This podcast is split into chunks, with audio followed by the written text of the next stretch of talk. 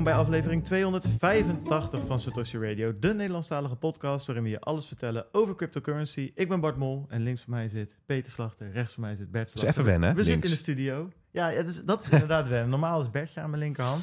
Dat is ook makkelijker, want dan kan ik jou met mijn rechterhand een klap geven. Bij Bert is dat toch minder Ja, nee, maar voor de, voor kijkers thuis is het natuurlijk precies andersom. Daar zit ik natuurlijk weer links. Ja, voor de kijkers thuis, ik ga het gewoon in het normale format editen. Dus die zien gewoon iedereen tegelijk. Dus die Ja. zien helemaal Ja, maar daar zit ik dan links. Ja, dat, dat is, Dat is wel weer zo. Ja, dat is waar. Linksboven en ik rechtsonder. Nou ja, goed. We gaan kijken of eh, de luisteraars het allemaal nog, eh, nog een beetje snappen.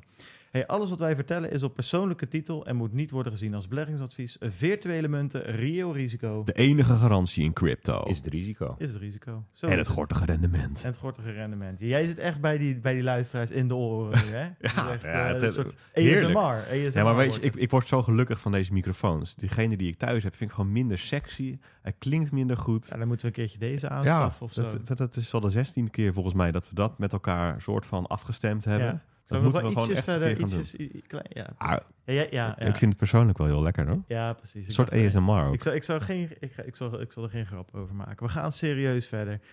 Ehm, je ziet, die vul je nergens in. Eh, let op scam-websites en eh, check laatje-niet-hackmaken.nl. Straks in de bookmarks heb ik, ik kwam iets tegen en dat, Oh, dan dat, kwam je nog... Oké. dat, dat, dat past hier precies bij. En, maar goed, daar komen we straks bij de bookmarks op terug. Als je wil, laat dan vijf sterren achter op Spotify. Like de video op YouTube. eh, subscribe op YouTube. Eh, we zitten bijna op 5000 subscribers. Hartstikke leuk. 4.98k hè? Ja, Nu. het begint echt, eh, begint echt wat te worden. We zijn bereikbaar via Telegram en Twitter. Eh, en Discord natuurlijk. Alle links vind je op www.stoshiradio.nl en op www.bitcoinalpha.nl. Wil je nou direct die Discord-server van Bitcoin Alpha in? Dat kan namelijk eh, gratis zelfs. Je hoeft alleen maar lid te worden. Nou, dat is super makkelijk. Je gaat naar bitcoinalpha.nl slash Discord. En dan kom je daar eigenlijk direct terecht. Eh, dan kan je het botje volgen dat Stijn gemaakt heeft. Die neemt je aan de hand door het prachtige woud van Bitcoin en cryptocurrency. En uiteindelijk kom je in onze server terecht. Ja, en daar kan je meedoen aan de QA's bijvoorbeeld. hè. We hebben er weer één gepland. eh, volgende week. Is dat al op. Discord aangekondigd ook? Zeker. Ja, op Discord staat hij bij evenementen. Ik zal het eens even bijpakken. Zo makkelijk gaat dat. Het is allemaal geïntegreerd tegenwoordig. 27 november op maandag om 8 uur eh, gaan we weer een uurtje vragen beantwoorden eh, van, van Alfa's. Ehm, ja, wordt hartstikke leuk, denk ik. Vorige keer was het erg leuk in ieder geval. Toen hadden we 50 man. We hebben inmiddels onze server zover geboost dat we 150 mensen kunnen verwelkomen. Dus eh, we gaan eens kijken of we dat eh, vol kunnen krijgen. Eh, ik heb er erg zin in. En jullie ook, denk ik trouwens. Zeker, we zijn erg, erg enthousiast over. Ehm, verder gebeuren er in Discord heel veel leuke dingen. Ehm, om maar eens wat te noemen, kunnen er vragen gesteld worden in die Q&A, maar ook gewoon los in ons vragenforum. Is best wel actief. Eh, zo heeft Peter daar bijvoorbeeld uitgelegd hoe de Bitcoinprijs bepaald wordt. En we hebben gezegd dat we dat vorige week, dat zouden we vorige week behandelen, niet gelukt. Gaan we deze week echt behandelen. Hè? Dus dat, eh, dat is er één. Een tweede is bijvoorbeeld, eh, we hebben deze week een artikel geschreven over UTXO management. Daar ging de poll ook over op Spotify van de podcast van vorige week. Gaan we het vandaag misschien ook even kort, ehm, kort Ja. over hebben. Is denk ik, denk ik wel leuk. Maar dat kwam, daar kwamen ook veel vragen op. Maar als ik er even zo doorheen scroll, het is wel echt heel leuk.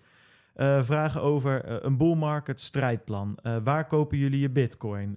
Kunnen we, dat is, dat is even een suggestie. Hoe kan je je seed het beste bewaren? Ideeën voor belastingoptimalisatie. Hoe zit het met bankreserves? Heeft er iemand ervaring met Parma-noten? Nou, het is van alles komt er langs. Dat zijn eigenlijk een soort losse vragen. En Ja. daarnaast heeft eh, Stijn afgelopen week gebouwd dat er ook in, een apart forumpje Ja. voor elke Stusje Radio uitzending en voor elke nieuwsbrief die verstuurd is een aparte post komt waar je dan ook weer op kunt reageren. Ja. Dat werkt ook wel leuk, want dan, dan, dan moet iemand niet zelf een heel in, in, inleidend verhaal gaan schrijven. Maar dan kun je gewoon zeggen, joh, jullie hadden het hierover, hoe zit dat? Of kun je dat nog eens, dat linkje eens even geven? Of kun je dat nog Ja. eens uitleggen? Of ik vind dit niet, dat is ook leuk. Hè? Iemand zei ook van, nou, ik ben het er niet mee eens. Hoe kijken jullie hiernaar? ja, precies. Dus dat... eh, Ja, nee, inderdaad, goede, goede toevoeging. We kunnen eh, ja, de podcastafleveringen kunnen besproken worden in de Discord. Dat is wel leuk. Dat kon natuurlijk ook op Telegram, maar ik merkte dat dat toch. ehm, ik denk dat deze structuur met inderdaad een forum post per aflevering beter werkt. Ehm, en inderdaad, de nieuwsbrief, eh, die wordt ook gepost, inclusief samenvatting eh, die eh, GPT-4 maakt, zodat je ja, direct van, aan, aan de slag kan inderdaad. Dat is erg leuk. E- Eentje vind ik wel leuk. De allernieuwste post is van Erik en die zegt: Wat is jullie strijdplan voor de bull market? En hij, hij, hij kwam gisteren ook in de chat van... joh, ik heb net aflever, de laatste aflevering van Bankless geluisterd. Daar ging het Ja. daar ook over. Wat is, wat is nou jullie strijdplan? Dus ik ben gewoon benieuwd als je dit luistert en je hebt een strijdplan. Kom even naar die ehm, post in, eh, in ehm, Ja. In Discord. Discord. Ja. En dan Kan ook je- pseudoniem, hè? Ja, precies. Eh, dat hoeft, je hoeft niet allemaal eh, onder je eigen naam te vertellen hoeveel eh, je wanneer gaat. Dat zou ik ook niet onder een andere naam vertellen. Maar het strijdplan kan je best delen. Ehm, nou, dus dat is erg leuk. Dat, dat bevalt goed. We zitten voor mij op 750 mensen in de Discord. Dus dat eh, schiet ook allemaal aardig op. Dat gaat, ehm, dat gaat heel erg. eh, Ja, we heel gaan richting de majority. Precies. Eh, de pioniers nu eh, allemaal binnen, denk ik. Ja, en nou, eh, nou de rest. Zo is het. Ehm, jongens, een eh, berichtje van onze hoofdsponsor, Bitfavo. Dat is de grootste crypto-exchange van Nederland. En daar kan je gemakkelijk en tegen lage kosten meer dan 200 digitale valuta kopen, verkopen en bewaren. Ze zijn geregistreerd bij de Nederlandse Bank. Handel net als ruim 1 miljoen andere klanten bij Bitfavo. Dat kan je doen door gewoon naar bitfavo.nl te gaan of de app te downloaden in een van de app stores. Nou moet ik er meteen wat even bij vertellen. Want ehm, ja, handel bij Bitfavo, dat ging deze week lastiger dan normaal. Want de app eh, lag er een paar keer uit. En dat is erg vervelend. Als de app eruit ligt, dan kan je niet handelen, niet kopen, verkopen. Bewaren wel. Kan je wel hoddelen. Ja, precies. Ontzettend goed. Bewaren ging deze week ontzettend goed, inderdaad.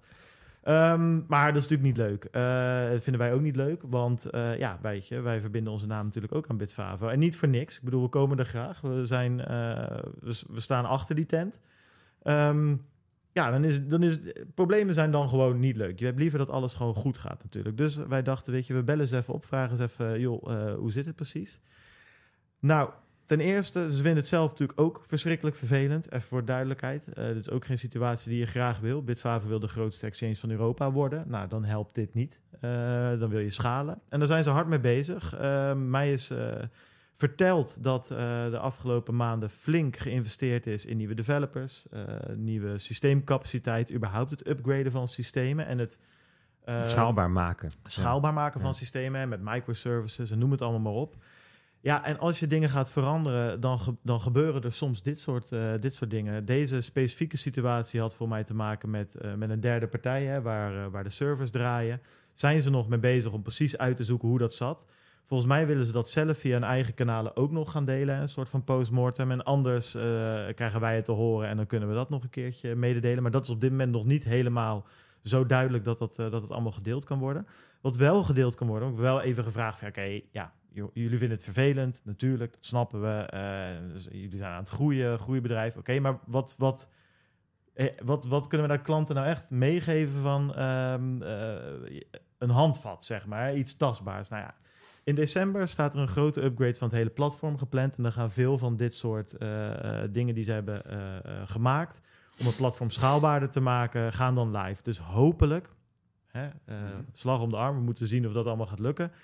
Maar als dat allemaal lukt, dan is de bedoeling dat op dat moment dit soort problemen, als er eh, meer gehandeld wordt, eh, verleden tijd zijn. Dus dat kunnen we even meegeven. Ja, en ehm, eh, ja, dat, dat, dat, is wat we weten op dit moment, denk ik. Hebben jullie nog wat toe te voegen? Denk ik niet. Of mm, misschien nog wel. ja, dit, dit- ja, eh, Het goede Was- antwoord is nee, Peter. Dat Oh ja, precies. Heb je wat toe te voegen? Nee, je hebt niks toe te voegen. We gaan verder. Jullie zagen het gebeuren, hè, kijkers thuis. Nee, ja, maar je- kijk, weet je, ik bedoel, we kunnen er nu allemaal wat over zeggen. Of eh, ik hang gewoon even mijn, eh, mijn, mijn naam Nee hoor, eraan. ik, ik, ik zat veel meer met... met ik, ik voel een beetje mee met hoe dat dan voor Bitfavo zelf zou moeten zijn. Kijk, wij hebben natuurlijk lang bij eh, een IT-bedrijf gewerkt en, en gebouwd. En we hadden ook wel serieus volume. En serieus aantal klanten die daarvan afhankelijk waren. Ook gewoon in hun Dagelijkse dagelijkse bedrijfsvoering. Ja, gewoon een kantoor met 100 man, dagelijks te En, en wij Ja. maakten soms ook fouten. Ja. Hè? En dan eh, ligt je platform eruit. Dat is, dat is een crisissituatie Ja. intern. En dat is, we hebben best wel veel van dat soort momenten moeten meemaken. Dan wil ik niet zeggen dat je elke week zo'n moment meemaakt. Maar dat is misschien ook waarom je best wel een tijdje du- doet over het leren omgaan met zo'n situatie. Wie schakel je in? Eh, hoe regel je dat in je eigen organisatie in? Wat communiceer je wel, wat niet? Welke kanalen gebruik je daarvoor? Ehm, hè, dat, dat moet niet een kanaal zijn dat afhankelijk is van je eigen platform. Dat hadden we op een gegeven moment ook. en want ja. als die eruit ligt, dan ligt dat kanaal. Weet je wel, dat is een, een, een discipline op zich. Ja. Alle, alle alarmbellen die gaan af. Overal stress, want de service desk en accountmanagers die worden plat gebeld, weet je wel. De ontwikkelaars die krijgen de hele tijd vragen die ze eigenlijk niet moeten, want die moeten zich concentreren op, Op waar zit eigenlijk het probleem. Ja. En dus het is, het is En, en dit is de, nog, nog een stapje extremer, denk ik, voor zo'n bedrijf als Bitfavo. Ja. Met, met een Meer eh, klanten anderhalf miljoen eh, Ja, klanten. Waar het gaat om precies ook weer op zo'n moment dat, dat koersen bewegen en dat mensen willen handelen. Het gaat direct om geld. Nou, ja, we hebben dus wel dit, soort situaties wel gehad. Bijvoorbeeld, we hebben ook politieke partijen als klant. En er was ook op een gegeven moment in de verkiezingscampagne... dat, zo, dat, dat, dat ons hele platform eruit lag. Ja, dat, was, dat is natuurlijk voor zo'n politieke partij eigenlijk net Ja. zo'n cruciaal moment, weet je wel. Ja. En je hoeft niemand uit te leggen dat, dat niemand daarop zit te wachten. Dat iedereen daar ongelukkig van wordt. Weet je wel? Je- wat dat betreft, het is gewoon een rotsituatie. Ja. Maar wat, En in, in eerste plaats natuurlijk voor de klant, voor de gebruiker. Hè, ik bedoel, het is allemaal leuk en aardig dat, we, dat wij daar destijds gestrest onder waren. Ja, weet je, uiteindelijk verwachten de klanten gewoon dat het, dat het werkt. Ja. Maar wat, wat wij wel geleerd hebben, is dat het heel erg belangrijk is om gewoon extreem eerlijk en open te vertellen wat er gebeurd is. Ja. En ehm, daarom ben ik blij om te horen, Bart, dat ze dus van plan zijn om een postmortem te schrijven. En postmortem, dat is dat je achteraf gaat reconstrueren wat er gebeurd is, waarom het gebeurd is, maar ook hoe je kunt voorkomen dat het nog een keer op, om deze. Kijk, wat je eigenlijk als altijd wil voorkomen, is dat het een tweede keer om dezelfde reden misgaat. Ja. Kijk, het mag best nog een keertje misgaan, maar dan alsjeblieft omdat je allerlei dingen hebt verbeterd en daar weer iets nieuws. Ik bedoel, uiteindelijk zit je natuurlijk gewoon eh, in snel groeiende technologie. In, in, eh, em, het, is, het, het, het is niet een volwassen. Ik bedoel, kijk naar Microsoft of zo, weet je, die zijn na 30 jaar, weet je, dan staan dingen op een gegeven moment. Ja, hier, hier wordt nog gebouwd. Ja. Ik bedoel, dat zie je ook, dat is wel grappig, we hadden er gisteren de auto even over. Ehm, Twitter werd overgenomen door Elon Musk. En die zei, ik ga dingen veranderen. Ik ga het weer runnen als een start-up of als een scale-up. Wel gek, hè? Scale-up met eh 6000 man. En dan zie je dus ook ineens dat er soms dingen stuk gaan. Ja. En dan ook op een gegeven moment weer gefixt worden. Terwijl het daarvoor jarenlang eigenlijk prima gedraaid heeft, weet je wel? Maar goed, zodra Ja. het gaat om grote hoeveelheid consumenten en geld en hun geld, hè, dan, ja, dan wordt het gewoon allemaal nog, eh, nog een stuk gevoeliger. Ligt allemaal Ja. onder het vergrootglas. Is net als met banken. Maar het Ja, irritantste toch? Ja. is dan dat het niet werkt en je weet niet waarom. En je weet niet of, Klopt. of het nog een keer gaat gebeuren. En Ja, en, en het is ook altijd een risico om, om het... Kijk, ik snap heel goed dat je zeker als merk ook wel aangeeft... joh, bij ons is het solide, het gaat niet stuk. Het is, het- dit, dit is gewoon, het werkt altijd. Alleen het, het punt met complexe systemen... en dat is een IT-systeem al snel... is dat je dat niet kunt voorspellen. Je kunt niet nu hard maken dat het nooit meer misgaat. En dat, ja, vraag een ontwikkelaar in een bedrijf... die aan een complex systeem werkt... en die zal dat niet durven beloven. Nee. En de vraag is, wat gebeurt er? Hoe reageert het systeem als het misgaat? Ja. Eh, en eh, nou ja, dat, dat is een studie op zich. Eh, de vraag een eh, ontwikkelaar van vliegtuigsoftware daarnaar bijvoorbeeld. En, en die gaat een heel relaas houden over hoe zij detecteren en proberen te voorkomen dat dingen misgaan. Maar vooral, hoe gaan ze ermee om als het misgaat? En dat is, dat is denk ik kunst op zich. En dat is denk ik ook voor Bitfavo in deze fase gewoon nog learning on the job. Ja. Nou, en het is inderdaad positief dat, dat ik nu zie ehm, dat er lessen getrokken worden. Ook, ook als het gaat om transparantie bijvoorbeeld. Ja. Nee, maar ja, de, de mensen die bij ons zijn gekomen, die zeiden van, joh, dit was rot. Ja, helemaal eens. Dus Ja. is, dat is het. Nee, zeker. En dat vindt Bitfavo dus ook. En ze zijn hard bezig om dat te verbeteren. Hopelijk in december dus ehm complete revamp van... eh, ik weet eigenlijk niet... Ik denk dat de klant daar... Niet je gaat niet zien dat je microservices gebruikt of zo, maar zo te noemen. Het zijn vooral eh, aan, de, aan de backend en aan de Maar infrastructuur. kijk dus, kijk dus vooral, hè, want er is, je hebt nergens de garantie dat het altijd werkt. Dat hebben we denk ik ook wel meegemaakt in de afgelopen bullruns. En dat Ja, gaan we de klopt. komende bullrun ook weer. Als er, als er hype en mania ontstaat, dan gaan er gewoon weer platforms plat. Kan het je altijd op een briefje geven. Ja. Ja. Zo, zo is het nu eenmaal. Kijk vooral naar hoe niet. gaat men ermee om. Heet niet voor niks een platform. ja, zo is het ook. Het ligt in platform. Precies. Dat, eh, Ehm, jongens, zullen wij eens eventjes... eh, opening. de opening. Ja, hoe was de week? Ja, daar hebben we het nooit echt meer over natuurlijk. Omdat we veel te veel andere dingen te, bespre- te bespreken hebben. Maar ik wil, ik wil wel eventjes ehm, iets eruit pakken. Want we zijn gisteren... Ja, ik moet zeggen, ik haal altijd... Er zijn een paar organisaties in Nederland die ik door elkaar haal. Maar dit was de, de, de Dutch Blockchain Week van BCNL, toch? Even... Ja, kijk, jij, legt, ja, jij gooit dat nu naar mij toe. Nou Maar ja, ik, ik- ik... heb net zoveel moeite als jij. Want gisteren zei ik, van, eh, zei ik tegen een van de organisatoren van... eh, van oh, dit is toch de, zijn, dit is de Dutch Blockchain Day, toch? Nee, nee, nee. Dus ja, ik zit in hetzelfde hebt, schuitje. je hebt in het najaar heb je de Dutch Blockchain Week en in het voorjaar heb je de Du- Dutch Blockchain Days. Ja, of day, of Het probleem days. was ook Ja. toen ze zeiden van... joh, eh, ga naar deze we- website, Dutch Blockchain Week... zie je dan weer dat het in... eh, oh, dit was wel weer... ja, dan was er 17 iets in juni. Was er iets weer in Ja, juni. Ik, ik, ik was ook een beetje Anyway, kwijt. ik eh, krijg vaak gewoon uitnodigingen, jullie ook. Eh, want ik weet wel dat Chris, eh, Christian Jimmink, hè, die kennen we natuurlijk. eh, ja, die, heeft, die zit inmiddels, eh, is, werkt hij bij Bloks. Eh, onze, onze vrienden van Bloks. Ja, je, je merkt gewoon in de, in de cryptowereld, in de Nederlandse cryptowereld, dat bedrijven tegen elkaar opbieden om die jongen binnen te halen. Ja, precies. Ja, Dit is een ja, dat is van, echt het transferseizoen is geopend. En dan weet je gewoon, ja, wie krijgt Chris dit jaar? Dat is de grote vraag. Net als met, bij Amerika, in Amerika heb je bij basketbal de draft. Hè, en dan mag een club die mag als eerste kiezen. Ja, dan, Ja. dan wordt altijd de meest getalenteerde Ja. eh, basketballer gekozen. Ja, dat is Chris. Die wordt elk jaar door een andere club weer gewoon op als En nu- eerste gekozen. Nu begrijp ik ook waarom ze Stosjewedo niet meer sponsoren. Ja, ze moesten Chris Ja, ja, ja, ja, opbieden. precies. Ja, Hey, bedankt daar, Chris. Nee, maar ehm, eh, Chris organiseert dus ook altijd eh, de Dutch Blockchain Week en wat andere dingen. Dus we worden altijd uitgenodigd en dan komen we ook altijd netjes. En dan zien we als we daar wel welk, welk naampje het nu precies weer eh, had. Maar deze keer was het bij ASML en dat was wel erg leuk. Nog nooit geweest. Ik dacht, ja, toch een keer geinig om die campus te zien. Ja, helaas hebben de machines zelf niet van dichtbij mogen aanschouwen, maar wel een mooie campus. Alleen wat museumstukken zag ik langskomen. Wat, wat museumstukken. En ze hebben een, een Albert Heijn binnen. Nou, dat is allemaal superleuk.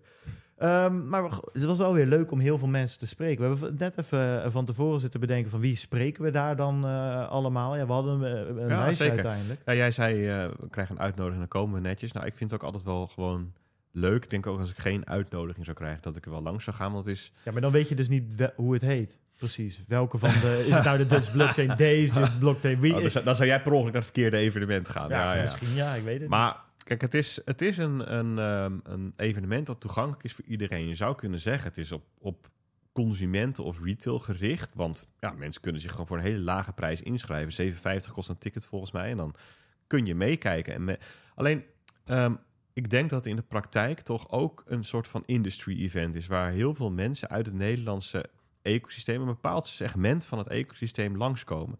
En voor ons is dat leuk om daar even te zijn, omdat we daar dan mensen tegenkomen die we normaal misschien niet zo snel tegenkomen. Ja, ik had even een lijstje gemaakt. We kwamen Willem-Jan van, uh, van Watson Lab tegen. Toon en Axel van, van Blogs, BTC Direct. Rico en Niels van Crypto Insiders. Nou, die, die kom ik daadwerkelijk dan ook nergens anders Nee. zomaar tegen.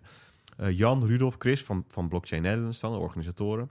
Jij sprak even met Olivier. Rikke, Rikke, ja. van Two Tokens. Michael was er ook van uh, MN Trading is tegenwoordig. Michael van de Poppen. Zagen mensen van Amdax, van Blockrise, Jos en Dex. Uh, Victor van de Dutch Blockchain Coalition. En, wat ik ook heel leuk vond, ook gewoon een aantal luisteraars van de podcast. Ja. En lezers Ja. van Bitcoin Alpha. Ja. Allard en Helmer. Jel met een H, zei je. Ja. Ik stond gewoon koffie te, te halen en die... hey, meneer Slachter. dat is heel grappig, ja. Maar het is al ja, superleuk om gewoon even wat luisteraars eh, te spreken, te leren kennen. En dat je het, eh, dat vind, ik, dat vind ik ook altijd leuk op eh, Bitcoin Amsterdam of op de borrels of bij Tivoli vorig jaar. Weet je, je, je spreekt dan mensen en die zitten dan ergens in het land op een plek. En van daaruit kijken zij naar de wereld en naar Bitcoin en naar crypto. Hè. Kwamen bij, bij Tivoli kwamen we een strafrechter uit Den Haag tegen, Ja. weet je wel. Die, hoe kijk jij nou, wat, wat kom jij nou tegen in jouw werk? Nou, gisteren kwam- Treasure uit Rotterdam Ja. hebben we een keer gehad. ja, Was nou, gisteren, ja. kwam ik iemand, eh, sprak ik iemand die zit dan in het hoger onderwijs. Ja, wat bedoel je? Wat, wat, wat, wat kom jij dan tegen? Hè? Wat, Ja. wat, wat, wat, wat, Nou, hoe, wat merk jij ervan? Dus het zijn hele leuke dingen ook om een beetje te horen van waar, waar, waar, waar zitten we in de cyclus bijvoorbeeld? En eh, wat, wat leeft er? En je wordt ook altijd weer met de neus op de feiten gedrukt. Hè, dat er altijd weer andere stukjes van het werkveld zijn... waar je eigenlijk meer in contact zijn, mee zou moeten zijn. Je weet dat en je beslist meestal bewust van... nou, dat gaan we nu niet doen. Tijd en energie is daar niet voor. En ze, inderdaad, zo'n hogeschool, ah, ze doen ze wel goede dingen... en dat gaat ook gewoon door. En eigenlijk zou je er meer Ja, van willen weten. Wat klopt. doen ze? Kan je er misschien een bijdrage aan leveren enzovoort. Maar het is mooi om te zien dat dat er gewoon is. En ik moet zeggen, deze keer was ik ook wel gewoon, had ik ook zin om te gaan, omdat ik omdat het bij ASML was. Ja, ik ben dan, was er nog Ja. nooit geweest. Ik vond het echt indrukwekkend. Dat, dat, de enorme hoeveelheid gebouwen en, en hoe, dat, hoe zo'n campus eruit ziet. Ja. En, en Ja. wat, wat voor, het lijkt wel een beetje op een vliegveld. Gewoon qua security Ja, en ja. qua En dat moet ook wel, want ASML is niet gewoon, eh, gewoon een groot bedrijf, maar het is een bedrijf van geopolitieke strategische Ja, waarde. ja. Dus je, je ziet gewoon, ja, ik bedoel, op het moment dat je daar een beetje Chinees rondloopt en een krant met een gat erin, dan word je gewoon opgepakt, weet je wel. Er wordt, er zijn, bedoel, Ik zie hem al gaan. Nee, maar een, een van de bedrijfsspionage is gewoon daar echt een belangrijk ding. Maar er zijn gewoon een wereldspeler. Ja, dat is gewoon wel Ja. indrukwekkend. Om op dan, Twitter Nederlands trots. Ja, ik, Ja. ik werd er wel een beetje trots van. Wel Ik tof. kwam eh, in de bus ook nog, eh, als het, ik vond ook leuk, nog twee luisteraars tegen. Ja, vond ik wel Random? geinig. Of Ja, ja, ja eh, de bus nou, richting ASML? Nee, terug. Dus wel, Oh, nee, dus ja, niet helemaal. Die kwamen ook van het event. Die zei van, joh, luister inderdaad elke week. Ik werkte Cool. bij, eh, bij KPMG in de compliance. Dus het is inderdaad leuk. gewoon geinig inderdaad dat zo'n... eh, Tof jongens, eh, leuk. zoveel verschillende mensen zijn. Oké. Ehm, nou, dan hebben we dat gehad. Dan gaan we denk ik eens eventjes... ehm, ja, willen wij de bookmarks eerst doen of even de poll van vorige week eh, behandelen? Want daar, aan aan de poll van vorige week hangt een onderwerpje vast. Hè? Dus misschien moeten we de bookmarks gewoon even pakken. Ik denk wel leuk. Prima. Pff, ik vind het prima. Ja? Oké. ik denk dat het, ja, het zijn allemaal leuke onderwerpen. Ja, Ja, het maakt dat- niet zoveel uit in welke volgorde je ze doet. Ja, Als je dan gewoon straks mooie boekmarkjes ook maakt in het... eh, dan kan iedereen gewoon erheen klikken als ze dat willen. Ja, ja ik, zal, ik, zal, mijn- ik zal mijn best eh, doen. hey, eh, laat, eh, Bert, gooi er eens een boekmarkje in dan. Dan, be- dan beginnen we daarmee. Ja, dat is goed. Ehm, laat ik eens bij mijn tweede boekmarkje beginnen. Die vind, vond ik wel leuk. Ik kwam een ehm, tweetje tegen van... ehm, ja, Watcher Guru. Die, zien jullie vaak ook geretweet worden natuurlijk. Watcher.guru. En dat, dat, zijn, dat zijn van die tweets... eh, breaking, just in. En dan een headline. En bij, dit zijn typisch van die tweets. Dat moet je eerst heel goed zelf verifiëren of het wel klopt. Want Voordat je het retweet. ja, ja, of voordat je er überhaupt iets mee doet. Dit is, hè, en dan, dus dat, is, dat heb ik dus in dit geval ook gedaan. De tweet was namelijk ehm, de, de China's largest board and card game company, genaamd Booyah! um, to acquire a 90 million dollars worth of Bitcoin en Ethereum. Ehm, even doorgeklikt en ook even wat verder gekeken dan mijn neus lang was. Coindesk, die coverde het ook. Best serieus, En die eh, zei, ehm, ja, serieus bedrag. En het is, een, het, het is China, maar het is gevestigd in Hongkong en genoteerd aan de beurs in Hongkong. En ehm, zij hebben eh, een plan voorgelegd aan de aandeelhouders dat ze in het komende jaar, 12 maanden tijd, 45 miljoen dollar aan Bitcoin, 45 miljoen dollar aan Ether en nog 10 miljoen, eh, 10 miljoen dollar aan, aan, aan stablecoins, aan, Oh. aan USDT, USDC. Ik dacht je ging zeggen dat is voor de YOLO-pot of zo. Weet Ja, je. ja, ja. Ja, alles wat hard moved, eh, Ja. Celestia, Ja, je ja. Tao, hartstikke idee.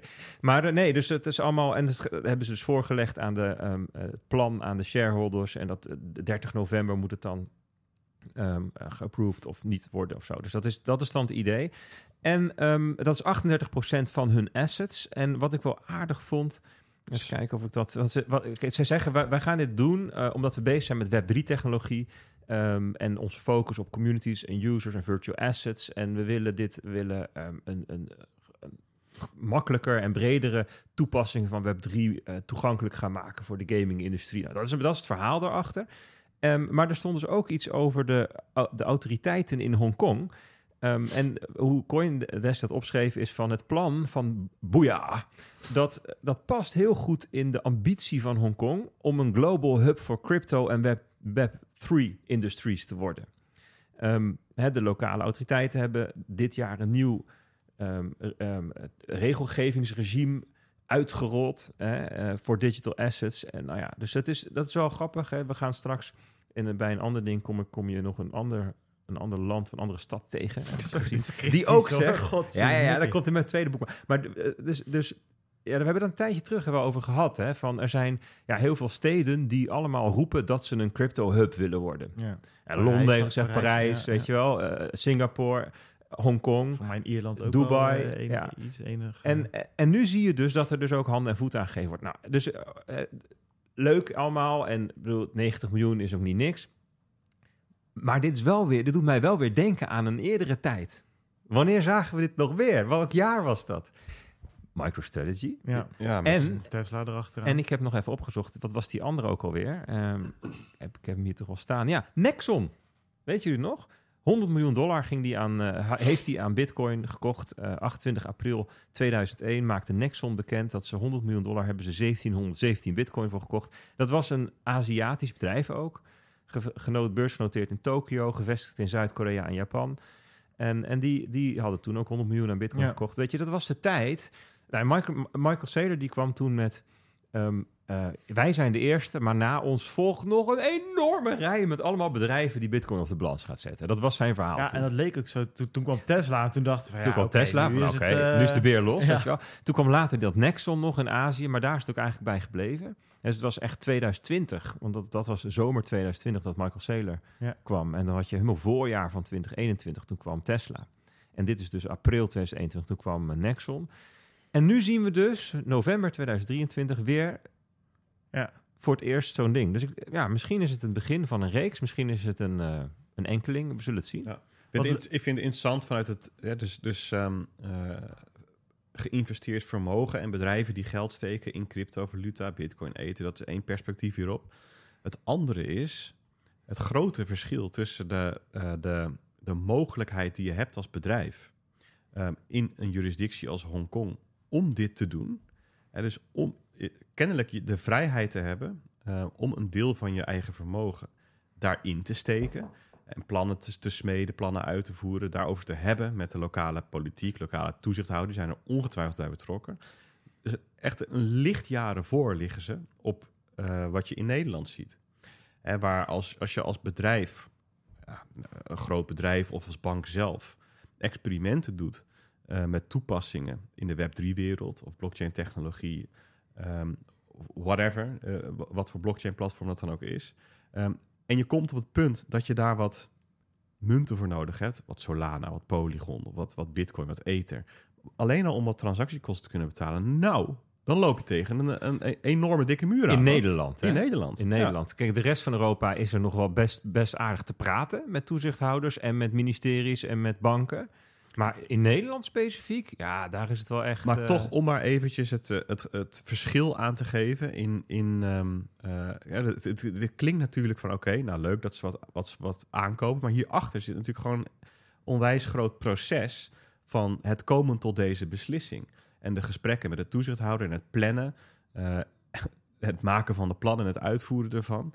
Ja, dat, dat, dat hoef je in Nederland hoef je daar nu niet mee aan te komen. Gewoon, eh, gewoon, dit, is, dit is van dit is, dit is gewoon een ehm, haast zwart-wit. En je hebt gelijk, hè, het is heel Nederlands. Maar goed, ik vind Europa en de VS vrij conservatief in het algemeen. Dus, Ja, in, ehm, in de VS heb je dus wel MicroStrategy en Tesla die dat wel konden. En daar heb je nu die accounting standards die aangepast zijn, zodat je het beter op je balans kunt houden. ja, klopt. Ik ben het wel eens met je, met je toevoeging dat het in Nederland eigenlijk het meest, misschien wel het meest dramatisch gesteld is. Gewoon, Kijk, Am- Amerikaans, in, in Amerika, daar ontbreekt het natuurlijk wel aan, aan, aan regels. Ben ik met je eens dat zij zelfs nog op Europa een heel stuk achterlopen. En er is ook heel wat meer... Dus in Amerika is het gepolariseerder. Dus er is meer haat jegens crypto, maar er is ook meer liefde en enthousiasme tegelijk. En die banken daar, die, de enerzijds eh, willen ze zo, zo graag mogelijk al dat crypto helemaal afsnijden. Aan de andere kant zijn ze ook, ook opportunistischer. Ah, je bedoel, JP Morgan heeft gewoon een paar honderd man in dienst die bezig zijn met crypto en digital Je assets. hebt, er, weet je je hebt er nog steeds gewoon een diverser, eh, gevarieerder Ja. aanbod van banken. Ook Ja. op staatsniveau. En in Nederland heb je toch wel een beetje een... Ja, het is niet een monopolie. Ja, hier is- het is- hier zit iedereen toch- Voor, wat voor poli is dit? Ja, oligopolie. Oligopolie. ja. Iedereen, maar iedereen loopt hier gewoon heel erg aan de leiband van de toezichthouder. Ja, die staat gewoon met een kettle prod iedereen te elektrocuteren die niet zo- doet- precies doet wat ze, wat ze Maar willen. ik ben, wel, ik ben wel met Bert eens dat gewoon de, de American Dream. Het, het, het is natuurlijk wel, ja, geld verdienen is wat in Amerika gewoon wordt iets minder vies naar gekeken dan in Europa in zijn algemeenheid, denk ik. Ja, ik weet niet of dat, het, of dat het onderliggende probleem is. Want de bankiers zelf, die willen op zichzelf wel dit, dit soort soortgelijke plannen toestaan. Weet je wel, dat, dat, eh, dat geldstromen over hun bankrekening heen loopt. Alleen al dat idee, daar, daar, daar trekt men wit van weg. En dat is niet omdat ze het zelf niet zouden willen.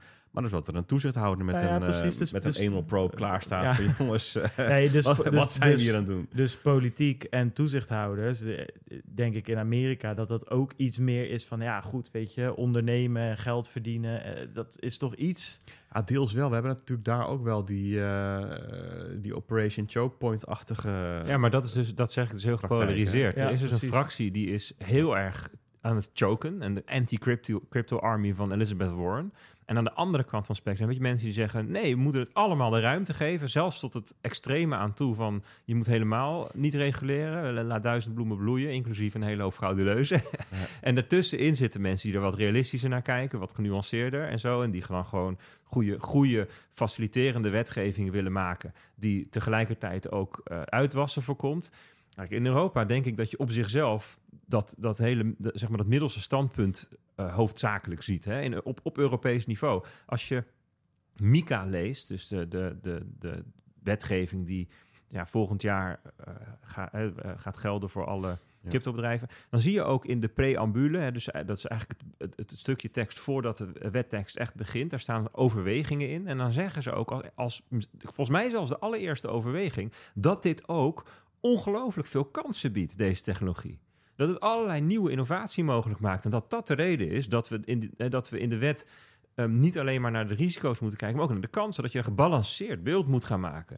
Ik bedoel, in Europa op zichzelf hebben we wel gezocht naar mooie eh, balans tussen die twee dingen. Alleen dan zie je in verschillende landen en in verschillende sectoren dat daar, dat daar verschillend mee omgegaan wordt. En sommige landen die staan er ook in Europa extreem opportunistisch in. En dan zie je landen als eh, Letland en Estland en Malta en zo. Die denken van nou ja, hartstikke idee. Totdat ze erachter komen dat ze daar ook heel veel fraude en geneuzel en, en oplichterij mee binnenhalen. En dan moeten ze dat weer terugdraaien. En je ziet in andere landen dat dat dan nou ja, wat, wat, wat, Ja. Ja. hè, wat, wat, wat steviger, wat robuuster gebeurt. Ik vind, En- het, ik vind het verschil in ieder geval tussen de opstelling van DNB en reputabele collega's, Ja. dus in Ierland, in Duitsland, in, in Frankrijk, echt opvallend. Ja. Ik heb toch, toch de indruk dat ehm, de, de, de, de cultuur, de verhouding tussen de, en de opstelling van DNB en tussen DNB en de markt, ja, ik denk dat verziekt toch wel een passend woord is erbij. Ja. Ik, ehm, ik hoop echt dat dat, dat, dat bij kan draaien. Ze staan er gewoon niet constructief meer in. nee, dit is, Dat is jammer. Dat is ook niet nodig. Over Sailor gesproken is nog wel even leuk. Die staat inmiddels 25% in de plus eh, met zijn DCA-strategie. 1,2 miljard eh, dollar. En dat gaat op een gegeven moment natuurlijk heel hard. ja, dat wilde ik net zeggen. Ik las, er al, eh, minder in de plus gestaan. Nee, ik las net op Twitter iemand die zei bij een interview van Sailor... eh, we are seeing the first trillionaire of, of zo. Maar dat is natuurlijk wel zo. Eh, Als bitcoin naar zo... Hij heeft 158.000 voor Ja, de units, toch? Wanneer is die trillionaire? Dat moeten we misschien even berekenen. Dus eh, ondertussen, eh, heb jij nog een boekmarkje, Peter, of we erin kunnen... Nou, dat is wel een uitgebreide. Dan gaan we een beetje de ETF-update in. Dus het lijkt me goed om eerst even de andere te doen. Oké, oké, dan pak ik er eentje op. Dan ga ik even op zoek naar ehm, ja, wat ik wilde laten zien. Ik kwam, ik kwam op TikTok iets tegen, dames en heren. Dat ga ik gewoon even live laten horen. Want ik heb... Helaas hebben we geen Stijn vandaag. Die zit gewoon... Nee, maar jij eh, plakt hem ertussen, dus mensen hebben hier helemaal geen last van. Ja, maar als het goed te horen is, hou ik hem gewoon Oh, zo. Dus eh, dan weet je... Nee, of DigiD. Wie de fuck onthoudt het wachtwoord? Ja. Ik niet. En iedere keer is het weer gelazer als ik die domme app in moet. Ja, je moet, dat soort dingen moet je gewoon echt nog ouderwets ergens op een papiertje schrijven. En Ja. gewoon ergens in de schoenendoos leggen. Ja, en dan heb je het weer één keer verkeerd getypt. ver- Verander je je wachtwoord weer. Moet het weer anders zijn dan de vorige keer. Moet er weer een extra uitroepteken bij. Ik heb één wachtwoord met 122.000 variaties. En ik weet niet voor wat. Ja, ja, precies. Ik word zo ziek hoofdletter, dan Ja. weer dit ertussen, een cijfertje erbij. Echt verschrikkelijk. Ehm, ja, dat is uit de podcast van, eh van Kai Gorgels en Monica Geuze. Voor de Wanneer is die eh, podcast opgenomen? 1995? ja, dat zou je Al denken. goede audiokwaliteit destijds. Huh? Ja, nee, precies. Nee, het is... Maar ehm, dit zijn, dit zijn boomers, ja, of 70? Hoor, wat? Nee, ja, het, het zijn, het zijn eh, jongeren. eh, laat ik zeggen. Ik denk een beetje, eh, als je de, de, het gemiddelde van onze leeftijden bij elkaar zou pakken, dat je een beetje bij hun uitkomt. Dus, dit, dus dit, Zo- dit is uit dit jaar en het zijn Dus, jongeren. ja. Is het een sketch dan? Is het een nee, grap? nee, nee, nee, nee, het is geen grap. Nee, maar dat, dat, dat Monica ik- Geus is uit 1995. Ja, die is redelijk jong en Kai is denk ik iets die is uit ouder. 1990. Ja, precies. Dus aan de onderkant eh, eigenlijk eh, van onze leeftijden. Ehm, maar anyway, super populaire podcast. Daar hebben ze hartstikke leuk verder. Ik vind het best leuke, eh, le- leuke types eigenlijk. Als ik eh, soms van die snippets langs zie komen. Maar hier dacht ik wel van... Poeh, ja, ik schrok daar ergens een beetje van dat, dat, dat, dat mensen van onze leeftijd, millennials, laat ik het zo maar zeggen, die toch opgegroeid zijn met het internet, zo doen over wachtwoorden. Dat er gezegd wordt van ja, moet je eigenlijk opschrijven in een, in een boekje en in een schoenendoos leggen. Weet je wel, dat, dat, dat is echt iets wat mijn oma doet. Hè? En waar ik het van kan begrijpen dat, eh, dat, dat die dat doen. Of dat er gezegd wordt, ja, ik heb één wachtwoord met 122.000 variaties. Ja, haha, en dan voeg ik ook elke keer een, eh, een uitroepteken toe. Weet je, je hoort hier eigenlijk alle red flags waar we altijd een beetje tegen waarschuwen, hoor je in, in 20 seconden ik bedoel, langskomen. Daniel Verlaan gaat in elke televisieshow op Ja. dit ding waar, waar, moet hij, wat moet hij nog doen? En het grappige is, ze hebben het over DigiD. Waar inmiddels gewoon best wel een goede app is. Waar je helemaal geen wachtwoord meer hoeft te hebben. Maar gewoon in je telefoon eh, met een pincode kan inloggen. En eh, door QR's te scannen eh, alsnog in kan loggen op DigiD. Dus je hebt allemaal die gekke wachtwoorden niet meer nodig. Dus het zo niet op de hoogte zijn van, eh, eh, van online hygiëne. En, en dat zo te grabbel gooien.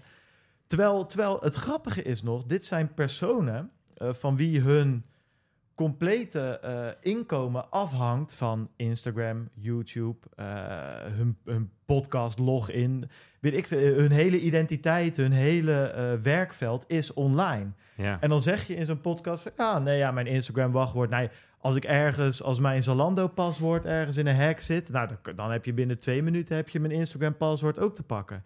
Denk ja, ik, ik, ik weet niet. Ik had gewoon verwacht dat eh, het gebruiken van een password manager en een, eh, en een twee- twee-factor authenticatie, dat dat onder de millennials wel gemeen goed was. Maar blijkbaar is er toch nog werk aan de winkel. Ja, als ik mijn, eh, mijn kinderen eh, hun, hun eerste smartphone geef, dat is ook het moment, dan, dan, dan draag ik hun wachtwoordkluis over aan hun. ja. Daar staan hun Google-wachtwoorden en hun dingen, alles staat daarin. En vanaf dat moment is het gewoon, joh, eh, eh, eerst een introductiecursus, one password. En dan pas krijg je je telefoon. Dat is, Ja. ja, ik vind het een soort van onderdeel van de, op, van de nee, opvoeding. nee, nee, dus zeker ben Tegen de eens. koningin zeg je u en je gebruikt de passwordmanager. Ja, weet je, zo. Dus, dus ja, soms denken we wel eens als we dat eh, ons introotje oplepelen van nou, zullen we, je, vul je sheet nergens in en laat je niet hackmaken.nl. Nou goed, zullen we het volgende week eruit halen? Nou, dit is, was voor mij weer een teken, nee. Ehm, dus voel je nou aangesproken door dit verhaal? Of heb je zoiets van, nou, eh, mijn vriendin, mijn vrouw, mijn partner, mijn moeder, mijn, kinderen, mijn vrienden...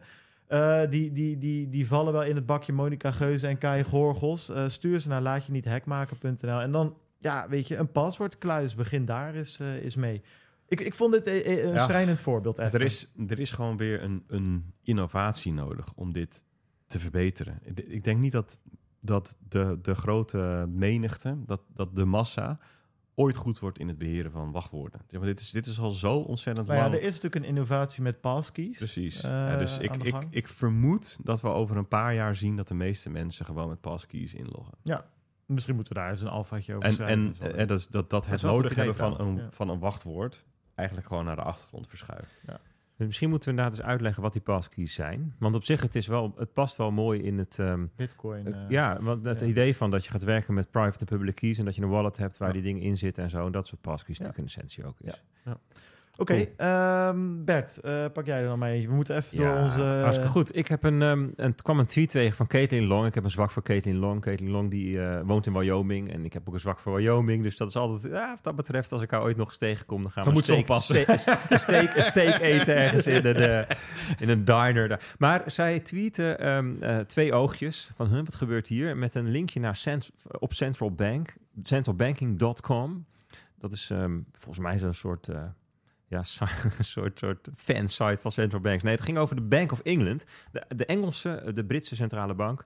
Ehm, in, in Engeland wil men ook graag een crypto-hub worden. Hier Mhm. is die. En ehm, zij zijn daar ook bezig met allerlei ehm, eh, re- regelgevingsvraagstukken. Hè. Mhm. Sommige al heel duidelijk, sommige zitten nog in de fase van ontdekken wat willen we nu eigenlijk. En één zo'n onderwerp gaat over stablecoins, waarin ja, een overheidsorgaan eigenlijk eh, eh, aan allerlei anderen heeft gevraagd, joh, denken jullie erover? En nu is de Bank of England, dus de centrale bank daar, met een aanbevelingspaper gekomen, een voorstel van, nou, zo zouden wij het doen. En wat stellen zij voor? Zij zeggen, ja, systemically important stablecoin firms. Dus het zijn eh, bedrijven die een eh, stablecoin gaan uitgeven eh, of aan het uitgeven zijn met een hele hoge market cap. Dus waar heel veel van is. Ja, die zouden eigenlijk ehm, hun, hun geld aan moeten houden bij de centrale bank rechtstreeks. Dus die, gaan, die zouden niet zoals Tether en Circle bijvoorbeeld ehm, obligaties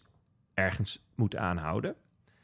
Of dollars of euro's ergens op een rekening zetten bij een bank. Dat is niet wat ze moeten doen, maar ze zouden gewoon rechtstreeks bij de centrale bank bankreserves moeten aanhouden. Die niet rentedragend zijn. Dat zou, dat zou hun voorstel zijn, want daarmee zorgen we ervoor dat ja, per definitie die dingen altijd één op één inwisselbaar zijn, on par. Hè? Dus je garandeert dat één, ehm, eh, nou ja, het gaat nu om Engeland, hè, dus één eh, crypto pond, hè, ook altijd één pond waard is. Dat het altijd per definitie één op één inwisselbaar is. Dat er geen risico is dat die obligaties niet verkocht kunnen worden, of dat ze minder waard zijn, of dat de bank waar die dingen staan ineens niet toegankelijk is. Weet je nog dat Circle op een gegeven moment een probleem had toen Silicon Valley Bank eh, in Ja. maart eh, dicht was. Heeft het, dan, heeft het dan ook effect? eh, wa- want een van de dingen waarvoor Tether denk ik niet, op dit moment niet zo happig is om dit te doen, is omdat de rente positief is. Dus ze ver- verdienen bakken met geld. Maar als de rente negatief is, dan rennen ze naar de bank om het daar natuurlijk. Exact, dus dat, dat is ook een vraagstuk. Hè. Ze Ja. willen eigenlijk dus het hele renterisico. Dus kijk, ze zeggen eigenlijk van ja,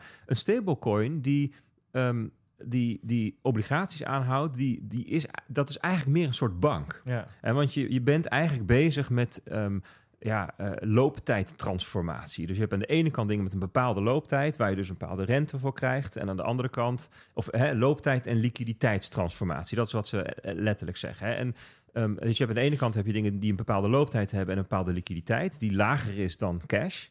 En daar krijg je dus meer rente op. En aan de andere kant heb je een verplichting die ehm, extreem liquide is en, en, en geen nul, nul duration heeft, geen, geen looptijd. Hij is meteen inwisselbaar. En dat verschil daartussen, daar kun je geld mee verdienen. Dat is wat Tether doet. ja. Hè? En dan moet je wel even zorgen dat je in ieder geval een buffertje heel liquide hebt. Zodat je in ieder geval, als er dan 10 miljard van de 80 miljard wordt opgevraagd, dat je dat ook kunt. Dat heeft Tether bewezen, hè, dat dat kan.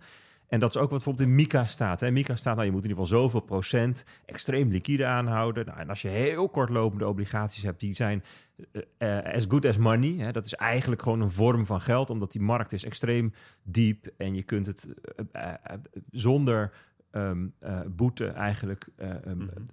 omwisselen in geld heen. Zo'n zo'n repo. Money equivalence noemen ja, ze noemt het ook money, cash equivalents. Dus oké, hè, maar, maar Bank of England gaat nog een stap verder. Die zegt, ja, we willen ook in allerlei extreme situaties... dat dit gewoon blijft werken als geld. En dus zeggen we, parkeren bij de centrale bank. Dus Ja. eigenlijk wat zij zeggen is, die stablecoins trekken wij naar ons toe. En we zeggen niet, joh, de markt moet het maar een beetje zelf organiseren... en de een die doet het zus en de ander zo... en daar gaan we wat regels bij maken om eh, eh, de financiële stabiliteit te waarborgen. Hè, dat is wat Mika nu doet. Ze zeggen, wij doen het een stapje verder. Eh, die stablecoins, als ze, als ze significant, significant worden, systemically important worden... is belangrijk voor het systeem, hè, systeemrisico's gaan dragen... ja, dan, dan, ehm, dan wordt de regel dat, ja, dan, dat, dat, dat de kluis bij ons staat. Hè? En daarmee zorg je er eigenlijk voor dat stablecoins een soort uitbreiding worden van centrale bankgeld. Dus een, een stablecoin is dan eigenlijk digitaal centrale bankgeld Mhm. geworden. Dus een heel interessante eh, richting waar het op gaat. is dit Nou, een plan of is dit... dit is een voorstel. Dit is wat voorstel, zij zeggen. Zo zouden wij het doen. Hè? En eh, nou, dus daar wordt wat op gereageerd. Eh, Sarah Breeden, dat is de Deputy Governor for Financial Stability, die zegt stablecoins can enhance digital retail payments in de UK. Dat is hoe zij ernaar kijkt. Ehm, iemand van de FCA die zegt ehm, stablecoins have the potential to make payments faster and cheaper for all. En dat, is daar, dat is waarom wij dit willen gaan aanbieden. Dus in Engeland kijken ze wel degelijk naar die stablecoins als een, ja, een realistisch ehm, onderdeel van de betalingsinfrastructuur. Dus niet, Ja. dit is niet, dit is niet eh, ehm, ehm, de, de, cryptowereld, de degen traders die, eh, die, die een beetje bitcoin moeten handelen en dus stables nodig hebben. Nee, ze zeggen nee, dit is gewoon een goede, Het is goede wel mooi. Een paar, maanden, een paar maanden geleden las ik dat ze vanuit het Verenigd Koninkrijk zeiden van ja, Mika is leuk, maar dat gaan we niet helemaal kopiëren. We willen ons eigen ehm, plan trekken. En toen dacht ik, oh, nou dat wordt wat. Ehm, want de signalen tot dusver die vanuit het Verenigd Koninkrijk komen, zijn niet altijd even positief. hè. klopt. Goed, dat moet je dus in de context zien van de plannen die ze nog aan het maken zijn. En van de wetgeving die ze nog moeten formaliseren. En als ik dit dan hoor, denk ik van nou, dat is inderdaad wel weer een, een originele invalshoek. En helemaal niet ehm, ehm, zeg maar, niet negatief of zo. In de zin van, ik wil ook niet zeggen dat, het, dat dit een, eh, een silver bullet is voor hoe je met stablecoins moet omgaan, maar het is, ja, het is, het heeft wel weer, het is gebaseerd op een ander, eh, op andere, Een paradigma eigenlijk. ah ja, ander perspectief. Ja. Het, is, het, heeft minder inzicht van, oké, we moeten ons verdedigen tegen Klopt. iets nieuws. Het heeft meer inzicht van, we omarmen dat nieuwe. Ja, en, en ik weet ook niet hoe Engeland precies aan het varen is nu met hun CBDC. Of ze een, de digitale pond aan het maken zijn en hoe, dat, hoe ze dat voor zich zien. Kijk, in Europa hebben we natuurlijk helemaal ingezet op die digitale euro. En dan is dus een stablecoin, ja, weet je, dat is dan een Concurrent. soort Ja. concurrent. Ja. Maar ik hoor ook wel weer binnen banken en binnen consortia die met stablecoins bezig zijn en binnen werkgroepen die met de digitale euro bezig zijn, hoor ik mensen ook zeggen, ja, als we de digitale euro eenmaal hebben, dan is het stapje heel erg klein om een synthetische digitale euro te maken, namelijk een digitale euro die verpakt is als stablecoin. En die gaan we gewoon uitbrengen. Dus ja, weet je, dat stapje is heel erg klein. Hè? Dan, is dan, dan, dan zegt het, zeg maar de Engelse centrale bank zegt, we halen daar één tussenstap tussenuit. Die hele, die hele digitale pond hebben we niet nodig. We hebben gewoon bankreserves En ja, die tokenize je eigenlijk als digitale ponden en die geef je uit. Nou, Financial Times, dat is natuurlijk de toonaangevende financiële krant in de wereld, maar dat is een Engels krant die zegt hierover. Ehm, deze voorstellen zijn de, de, de meest recente stap in ehm, ja, de, de, de, het, het plan van eh, UK om zichzelf als een hub voor digital assets neer te zetten. En, en ze praat dat in de context van de brexit en de dreiging voor Londen eh, als, als dominante eh, financiële centrum in de wereld, weet je wel. Dus dat is, ja, dat wordt best wel, dit wordt best wel Ja. strategisch relevant gemaakt. Ehm, ja, aan de andere kant schrijft het FT ook van ja, eh, Terra, ehm, een, een Circle werd gedepakt. En nou, oké, denk ik wel weer, oké, dan heb je wel weer iets niet begrepen. Want die depack van Circle, dat was iets wat in de DeFi-wereld gebeurde. Maar iedereen met één USDC heeft hem altijd gewoon voor 1 dollar kunnen omwisselen. Dus er is geen depack geweest. Nee. De marktprijzen zijn afgeweken. Dus dan, dus dan zie je dat zo'n FT-journalist ook eigenlijk weer niet begrijpt waar hij over schrijft. Ja. Maar goed, dat vergeven we hem dan maar eventjes. Ehm, nou, dan even terug naar, naar de originele tweet. In mijn bookmarks, Caitlin Long, die, die, dat is dus een Amerikaanse en zij schreef hierover. En ehm, zij hint er dus op dat zij denkt van, nou ja, als Engeland dit doet, dit zou wel eens kunnen zijn hoe Amerika het ook gaat doen. En want ze, later geeft ze nog een toelichting waarin ze zegt van ja, Adyen, Ne- Nederlands trots, die heeft dus in Amerika, dus blijkbaar ook in Amerika, die heeft in Amerika nu een vergunning gekregen ehm, eh, een, eh, bij, eh, door de Fed, hè, de Centrale Bank in Amerika. Hij heeft daar een master-account en is nu is onderdeel van de allereerste groep om Fed Now te gaan implementeren. Dus Adyen heeft al toegang tot de centrale bankgeld. Zij zegt, ja, als we dit ook gaan doen in Amerika, dan is Adyen de eerste die zo'n stablecoin kan gaan uitgeven. En dan zit ik hier met al mijn goede gedrag. Zij heeft eh, Custodia opgericht, ook met als doel om daar stablecoin te gaan uitgeven. Dat mag niet en ze krijgt geen toegang tot de Fed en want crypto. En zegt, straks komt er een Europese partij hier die backdoored into a Fed master account. En die gaat hier gewoon eerder dan wij dit uitgeven. Als, als, eh, als, als Amerika ook deze route kiest, zijn ze een beetje verontwaardigd.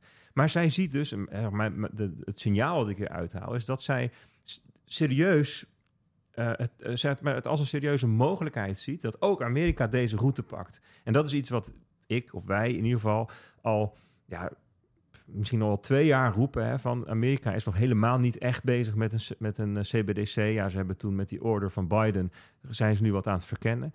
Maar het zou mij niet verbazen. Ik zou het terecht vinden of logisch vinden als Amerika zegt, joh, die CBDC staan we over. We gaan gewoon ehm, bankreserves tokenizen. Het heet stablecoins. We gaan het heel streng reguleren, net zoals Engeland dat doet. En we pakken dat, dat, dat netwerkeffect wat er nu al is. Want 99,9% van de stablecoins zijn dollars. Dat pakken wij gewoon lekker op. Dat Ja. omarmen we en dan gaan we lekker mee vliegen. Ja. Dus dat is, ja, ik vond het wel weer even een leuk stablecoin-updateje zo. Zeker. Met Londen als crypto-hub. Oké. Ja, doe me ook denken aan, de, aan het praatje van eh, eh, DNB gisteren tijdens eh, de Dutch Blockchain Week. Dat ging over de digitale euro. Ik blijf het altijd lastig vinden hoor, om, om een representant van DNB te horen praten over digitale euro's en of dingen die tegen de cryptowereld aanschuren. Ja. want aan de, het, het is zo ontzettend schizofreen. Zeg maar, de mensen die met beleid bezig zijn en onderzoek, die, ja, die weten echt wel waar ze het over hebben. En die hebben ook een heel open houding. Maar tegelijkertijd heb je dan toch de context van zo'n toezichthouder die Ja, maar dit is... ongelooflijk Dit, die, zuur en verziekt is qua, qua houding ten opzichte van een sector. Ik vind- Ja, Dit was Menno Broos. Ja. En de- hij, heeft ook, hij is ook te gast geweest bij eh, Paul Buiting, bij Holland Gold podcast. Die zou je eens moeten luisteren als je het interessant gedaan. vindt. Nee, nee, maar de luisteraar. De luisteraar, Jij, ja. jij als luisteraar zou dit eens kunnen luisteren. Maar dat is het aardige van, van die Menno, is dat het gewoon een hele eh, openhartige, aardige, duidelijke, goed uitleggende, eh, slimme gozer is. Ja, ja, man maar ook- is. ja. En dat is gewoon wel anders dan wat je... eh, hij heeft een ander geluid, laat ik het zo zeggen, dan de meeste anderen die ik... Ja, ik, ik, ik, ik, ik ga dat niet ontkrachten wat je zegt. En ik geloof ook dat, eh, dat Menno er met alle goede bedoelingen in zit. En het gesprek met Paul vond ik ook. Ik vind het prettig dat er iemand van DNB naar buiten toetreedt. Maar er zijn gewoon aspecten van het hele gebeuren waar ik gewoon maar moeilijk overheen kan stappen. Ja. En dat is gewoon het structureel duiken van, de, van, eh, van DNB. ehm, in de zin van dat ze zelf advies geven aan de politiek en het ministerie over hoe zij denken dat zo'n digitale euro zou moeten werken. Ehm, dat advies lag niet in lijn met wat de politiek graag van ze wilde. Die wilde namelijk iets hebben voor betalen en sparen. Nou, moet je maar niet doen, zegt DNB. Oké, dan gaan we. Hè, dus het bericht aan de politiek is, is op die manier teruggekomen. Vervolgens wordt het alleen een betaalmiddel. Ja, dat ligt bij de politiek, zegt DNB. Ja. Ja. Ja dit is gewoon, het, het is... Nou, het, het- ze zijn, kijk, ze, je Maar zou- zullen we de, de, de deksel een beetje op dit rabbit hole houden? Ja? Ja, ja nee, ik, Ja? ik ben het eens met wat Peet zegt. Maar ja, we kunnen hier natuurlijk ook nog... We hebben nog zoveel mooie andere discussies. ik zit een beetje... eh, ja, markt... Ja, jij zegt zelf, ik kan een uur nog een Zeker. doen. Ja, dat is waar. Dus, Ja. dus, dus, Oké, dan, dan houden we het gewoon even bij, eh, bij mijn eh, frustratie. Precies. Ehm, Oké, dan pak ik nog even kort een, eh, een boekmarkje op. Ehm, dat gaat over de Sofon. Ik, zal de, ik had een heel verhaal over mijn favoriete boek, Three Body Problem, waar de Sofon ook een groot eh, onderdeel van is. Anyway, zal ik even laten, maar ik vond het wel grappig. Ehm, de mempool zit vol. Op dit moment 250 sat per V-byte voor een transactie als we dit opnemen. Nou, dat is echt eh, gestoord hoog. Dat hebben we echt tijden niet gezien. Voor mij zelfs vorige keer. Nou, misschien is toen op een gegeven moment ook 400, 500 geweest. Eh, anyway, dat komt voor een groot gedeelte door ordinals en dan vooral BRC20 tokens. En wat wel grappig is, om zo'n token eh, eh, te deployen, moet je dus een transactie doen en daarvan zeg je, oké, dit is de ticker. Laten we even zeggen ORDI of SATS of iets in die richting. En je zegt daar wat de supply is. Dus vaak een miljard. En dan, nou, en dan mag je er duizend per keer minten. Nou, dan zit de mempool weer, weer twee maanden vol met allemaal transacties waar er gemint wordt. En nu is er dus eh Rijndaal, heet die, eh, heet die vent. Die heeft wel, wel vaker dingen met de ordinals eh, eh, gedaan. Die heeft een, een- botje geschreven en die is eigenlijk bijna een soort MEV. Behalve dat er geen value geëxtract wordt. Het is meer een soort van spam eh, bot. Eh, en die, die kijkt in de mempool voor transacties waar dus zo'n BRC20 token gemint wordt. Die pakt die ticker, die gaat daarvoor zitten, die bepaalt een hogere fee. En in plaats van dat er een miljard tokens gemint worden, wordt er eentje gemint, waardoor eigenlijk daarna dat token dood is. Maar die ticker is dan bezet. zeg En die maar. ticker Ja. is bezet en er is maar een supply van één. Dus Ja. eh, dan, dan valt er niks meer te minten voor andere mensen. Nou, vond ik wel grappig. Heeft het veel zin? Ik denk het niet, want ik denk dat er veel meer mensen zijn eh, die willen betalen. Maar dit, om- lo- dit los je toch op door dan gewoon je originele mint of je originele definitie met een hogere fee de mempool in te. Precies, dus het is voor mensen die minten irritant. Maar mijn mijn punt wat ik wilde maken is denk dat er veel meer mensen zijn in het crypto casino die geld er tegenaan willen smijten. Dat er mensen zijn die geld willen betalen om dit botje draaiende te houden. En dan vooral de fees die die Het kan bot... heel snel een heel duur bordje worden. Precies. Ja, precies. Dus, eh, maar het, het was grappig. En ik vind het leuk dat er een soort van voor- en tegenstanders een beetje elkaar zitten te clearen in die mempool. Ehm houden we hem daar even bij. Peet, ETF-update is dan eventjes eh, de, de laatste boekmark die we ik zal hem dan oppakken. even in jou, ehm, met jouw energie kort houden. Hè, want we hebben nog zo ontzettend veel leuke Ja, dingen te. Ryan, Ryan, Ryan Rasmussen kwam ik tegen. Ehm, en die hield een verhaaltje over ehm, hoe de aanvraagprocedure van ETF's eruit ziet. Dat hebben we al best wel eens behandeld hier in de podcast. Maar omdat we nu gewoon midden in die, die, die eh, spot Bitcoin ETF aanvragen zitten... en voor veel mensen toch ook is van... ja, misschien, misschien is dit wel het moment dat ze voor het eerst naar ons luisteren... dat ik wel aardig om even te herhalen. Ehm, hij legt uit, de meeste ETF's in de VS... die zijn gebaseerd op de 1940 Act... de Investment Company Act of 1940. En dat is een hele eenvoudige proce- registratieprocedure... na 75 dagen eh, automatische goedkeuring... tenzij de SEC beslist om het te blokkeren. Maar voor ETF's die gebaseerd zijn op commodities... en ook die voor Bitcoin nu... ehm, dat is een heel andere wetgeving, de 1933 Act, 1933. Zo, moeilijk.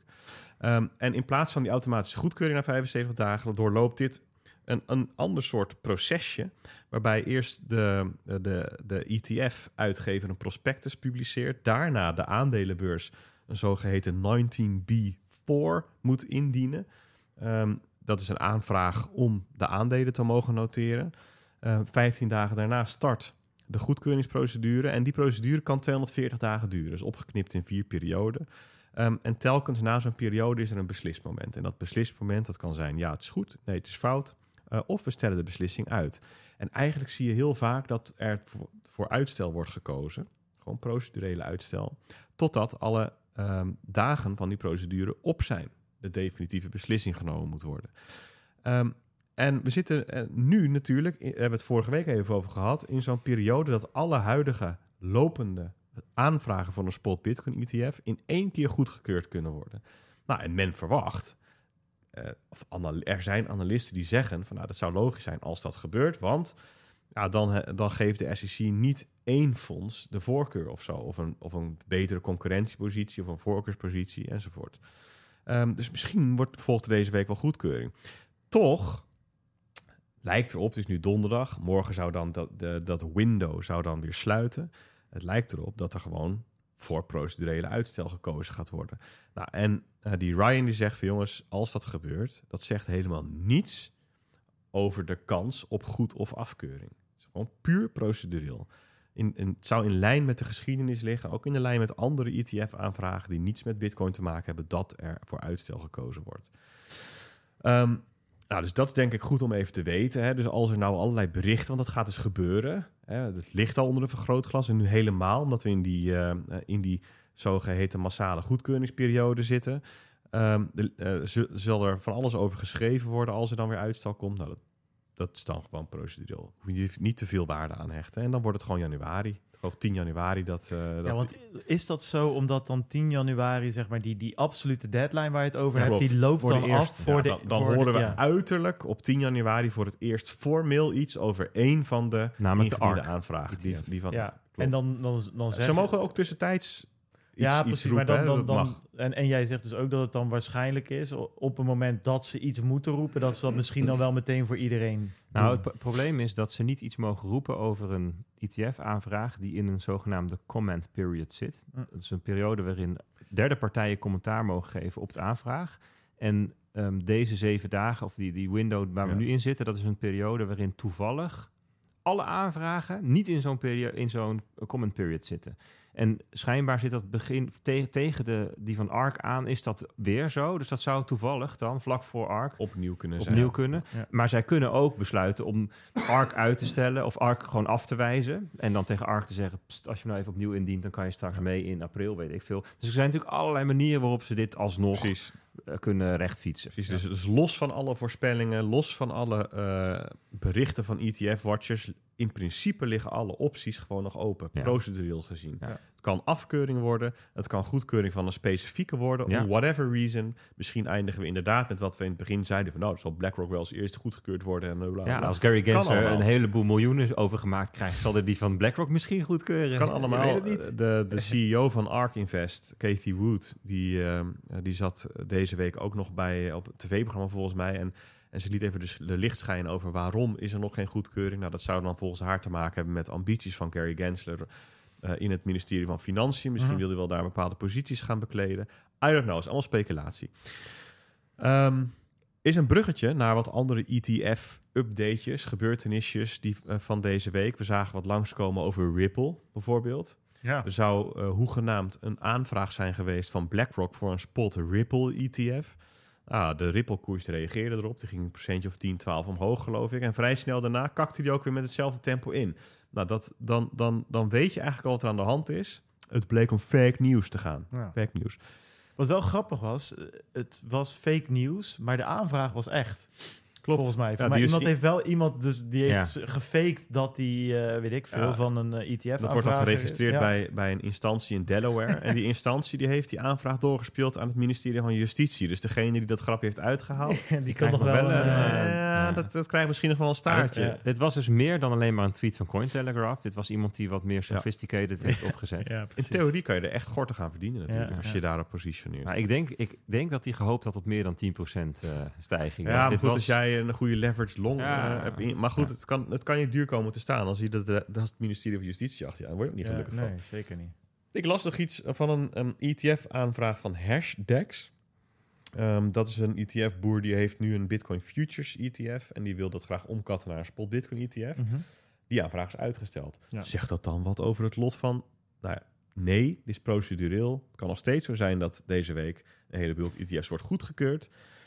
Maar dat weten we niet. Ja, en die hashtags die wilden ook een combinatie kunnen hebben van spot en Klopt. futures. En daarvan Ja. zeggen experts ook van dat is iets wat we in de praktijk in het verleden ook altijd na de spot ETF zagen. Dus dit is ook logisch dat dit erna Ja. zou komen.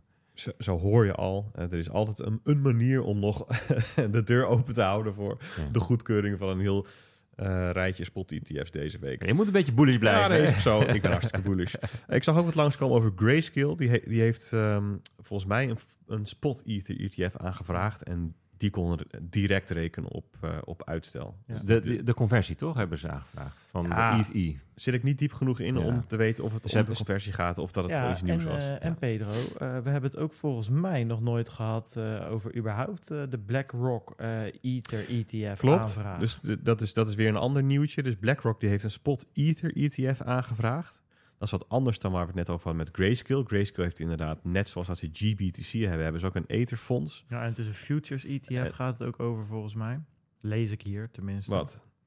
SEC needs more time on Grayscale Ethereum Futures ETF. Oh, Hmm. Ja. Ja. zou kunnen. Nou, je hoort het al. Ehm, Er zijn er zoveel inmiddels. We zijn een beetje de, de ETF weg kwijt. Maar Ja, de, de, eh, de, de BlackRock Ethereum ETF is, is gewoon hetzelfde als wat ze Ja. met Bitcoin willen gaan doen. Zeker. Zeker, klopt ja. En eh, daar reageerde de, de, de etherprijs ook flink op. Die, die veerde ineens op. Best wel een eh, stukje van de achterstand die Ether had op Bitcoin werd toen direct goed gemaakt. Schoot tot boven de 2100 dollar, geloof ik, destijds. Ehm, ja, en, en de, de argumentatie waarmee BlackRock denkt eh, goedkeuring binnen te halen, ehm, is soortgelijk aan wat, wat men nu als doorslaggevend ziet in de spot Bitcoin ETF aanvragen. En dat is dat als de SEC een futures ETF heeft goedgekeurd, dat ze niet anders kan dan ook de spot variant goed te keuren.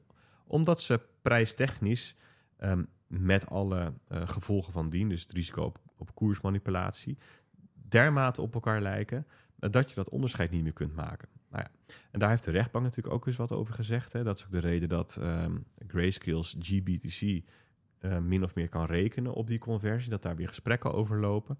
Ja, is interessant.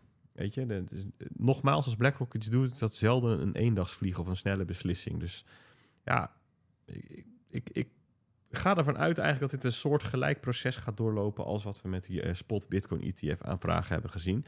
Maar voordat we over die uitkomsten gaan speculeren, laten we eerst maar eens afwachten wat daarmee gebeurt. Ja. Ehm, en ik denk, om het even af te ronden, eh, wat nog wel interessant is, wat, wat zegt die goedkeuring op die Amerikaanse markt? Nou, ja, dat zegt misschien iets over de legitimiteit van Bitcoin als acti activum en als asset class. Zegt iets over vermogen dat naar Bitcoin toe gaat stromen. Maar het zegt ook iets over jurisdicties buiten de VS. Ehm, ik las bijvoorbeeld ehm, dat de vermogende Hongkongse klanten van UBS, een eh, forse bank, die mogen nu in crypto-ETF's beleggen. Dat gaat allemaal om eh, derivaten, Bitcoin en Ether futures. Maar daarbij stond ook, ja, de toezichthouder van Hongkong, die onderzoekt ook de goedkeuring van spot-ETF's. Ehm, en de kans is vrij groot dat de uitkomst van dat onderzoek afhankelijk is van wat er op de Amerikaanse markt gebeurt. Hè. Dus als de SEC groen licht geeft, nou, dan gaat die Hongkongse toezichthouder... Zo volgen andere toezichthouders, andere jurisdicties soms ook wat er in de VS gebeurt. Ja. En dan opent dat dus elders ook gewoon weer deuren. Ja. Ja, dus de, wat mij betreft kunnen we daar even een punt zetten Ja, achter de, de. ETF-update. Eh, dan heb ik net eens even besloten dat eh, het stuk over UTXO-management eh, komt er vervallen, dames en heren. Maar we hebben natuurlijk wel gewoon een polletje gehad vorige week. Dus dat kunnen we wel even bespreken. Eh, namelijk, de vraag was, weet jij wat UTXO-management is? En zo ja, hou je hier actief rekening mee? Nou, we hebben meer dan 200 stemmen gehad. En ehm, ja, wat we een beetje wel verwacht hadden... drie kwart, van 76 procent, die zegt nee, ik weet niet wat UTXO-management is. Eh 16 procent zegt ja, maar ik hou daar voor de rest niet actief rekening mee. En 6 procent houdt daar wel rekening mee. Eh, en Roeland zegt erbij, eh, ja, ik hou er wel rekening mee, ik weet ook wat het is. Ja, dat eh, hoort natuurlijk een beetje bij elkaar. Het zou raar zijn als hij er wel rekening mee houdt, Niet niet, weet, niet ja. weet wat het is. Nou, ja. Ingewikkeld hoor. Ja, precies, lastig. Maar hij zegt ja, als je transactie bestaat uit veel UTXO's, oftewel opgebouwd is uit veel kleine bedragjes, dan zijn je transactiekosten hoog. Geleerd van de Bitcoin Facets in 2015. Betaal één groot bedrag en niet tien kleine. Nou, daar va- vat Roeland het eigenlijk best wel aardig samen eh, waar dit over gaat. Ehm, ik zou zeggen, dames en heren, we vonden het best wel een belangrijk onderwerp. Zeker met die fees. Hè. Ik zei net 250 zat per V-byte. Mempool zit vol. Goed om hier eens... Wat eh, betekent dat als ik een gewone bitcoin betaling doe? Hoeveel euro's zijn er nu de transactiekosten?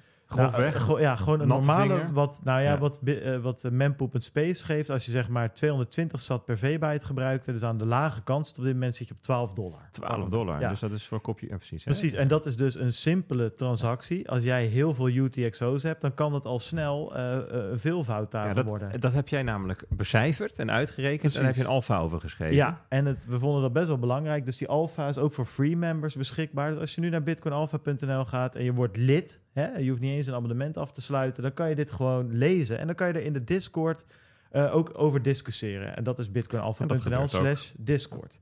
Erg leuk. Eh, misschien dat we hier volgende week op terugkomen. Ik wil nog even één, één korte kanttekening hierbij plaatsen. Ja.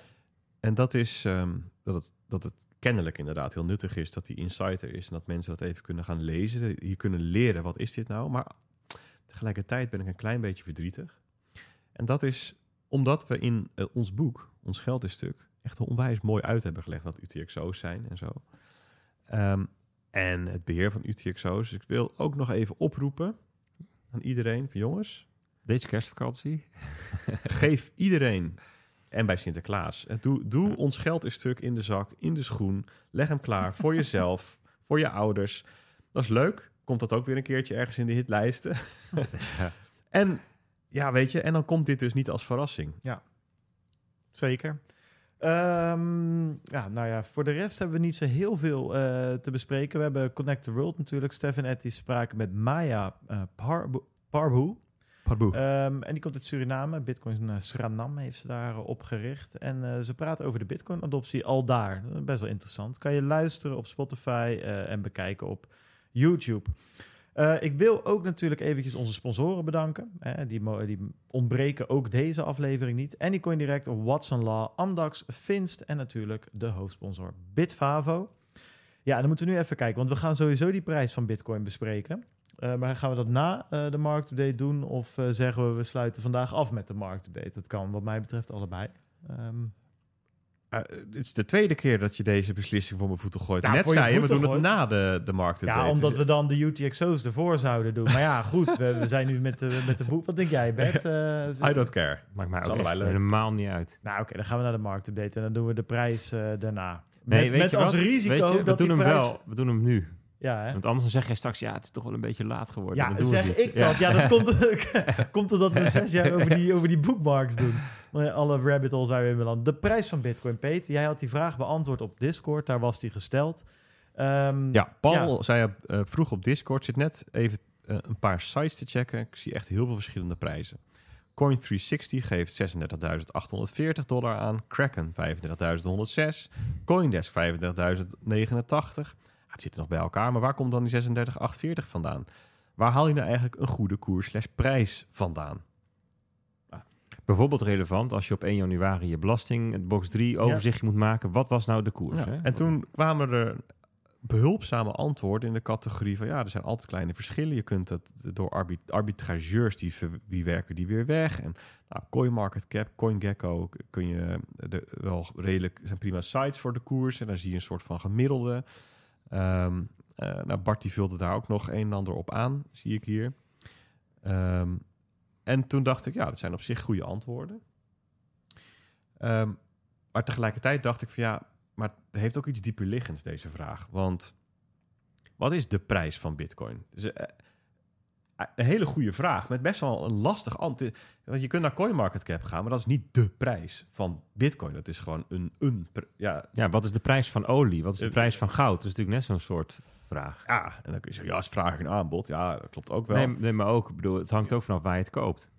Ja. Dat geldt daar ook voor. Zeker. Ja, en, en soms is het helemaal niet weg te arbitreren. Hè, soms zijn er tussen jurisdicties wel haast blijvende prijsverschillen door whatever, for whatever reasons, sancties of ja, kapitaalrestricties. Ja. Of, ja. en um, toen dacht ik van ja, dat is ook een hele relevante vraag voor partijen die een spot Bitcoin ETF bijvoorbeeld willen hebben. Ik bedoel, hoe moeten zij hun fonds waarderen?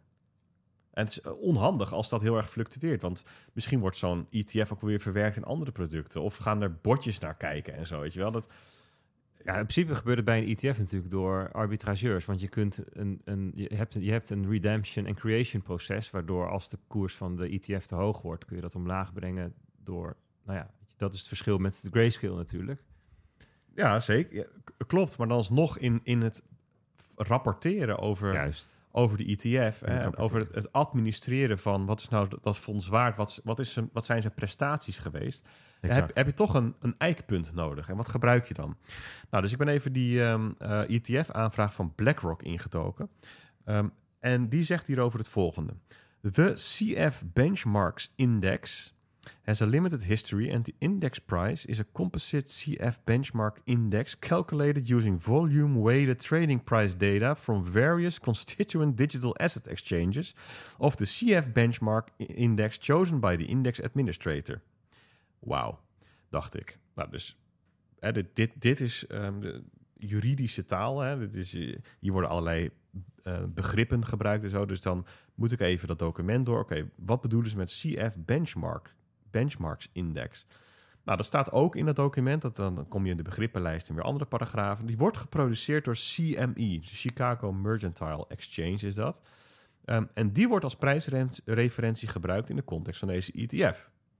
Oké, wat is dan die CF Benchmarks Index? Nou, daarvoor moet je dus naar CME toe. Dat is dan weer een wereldje op zich.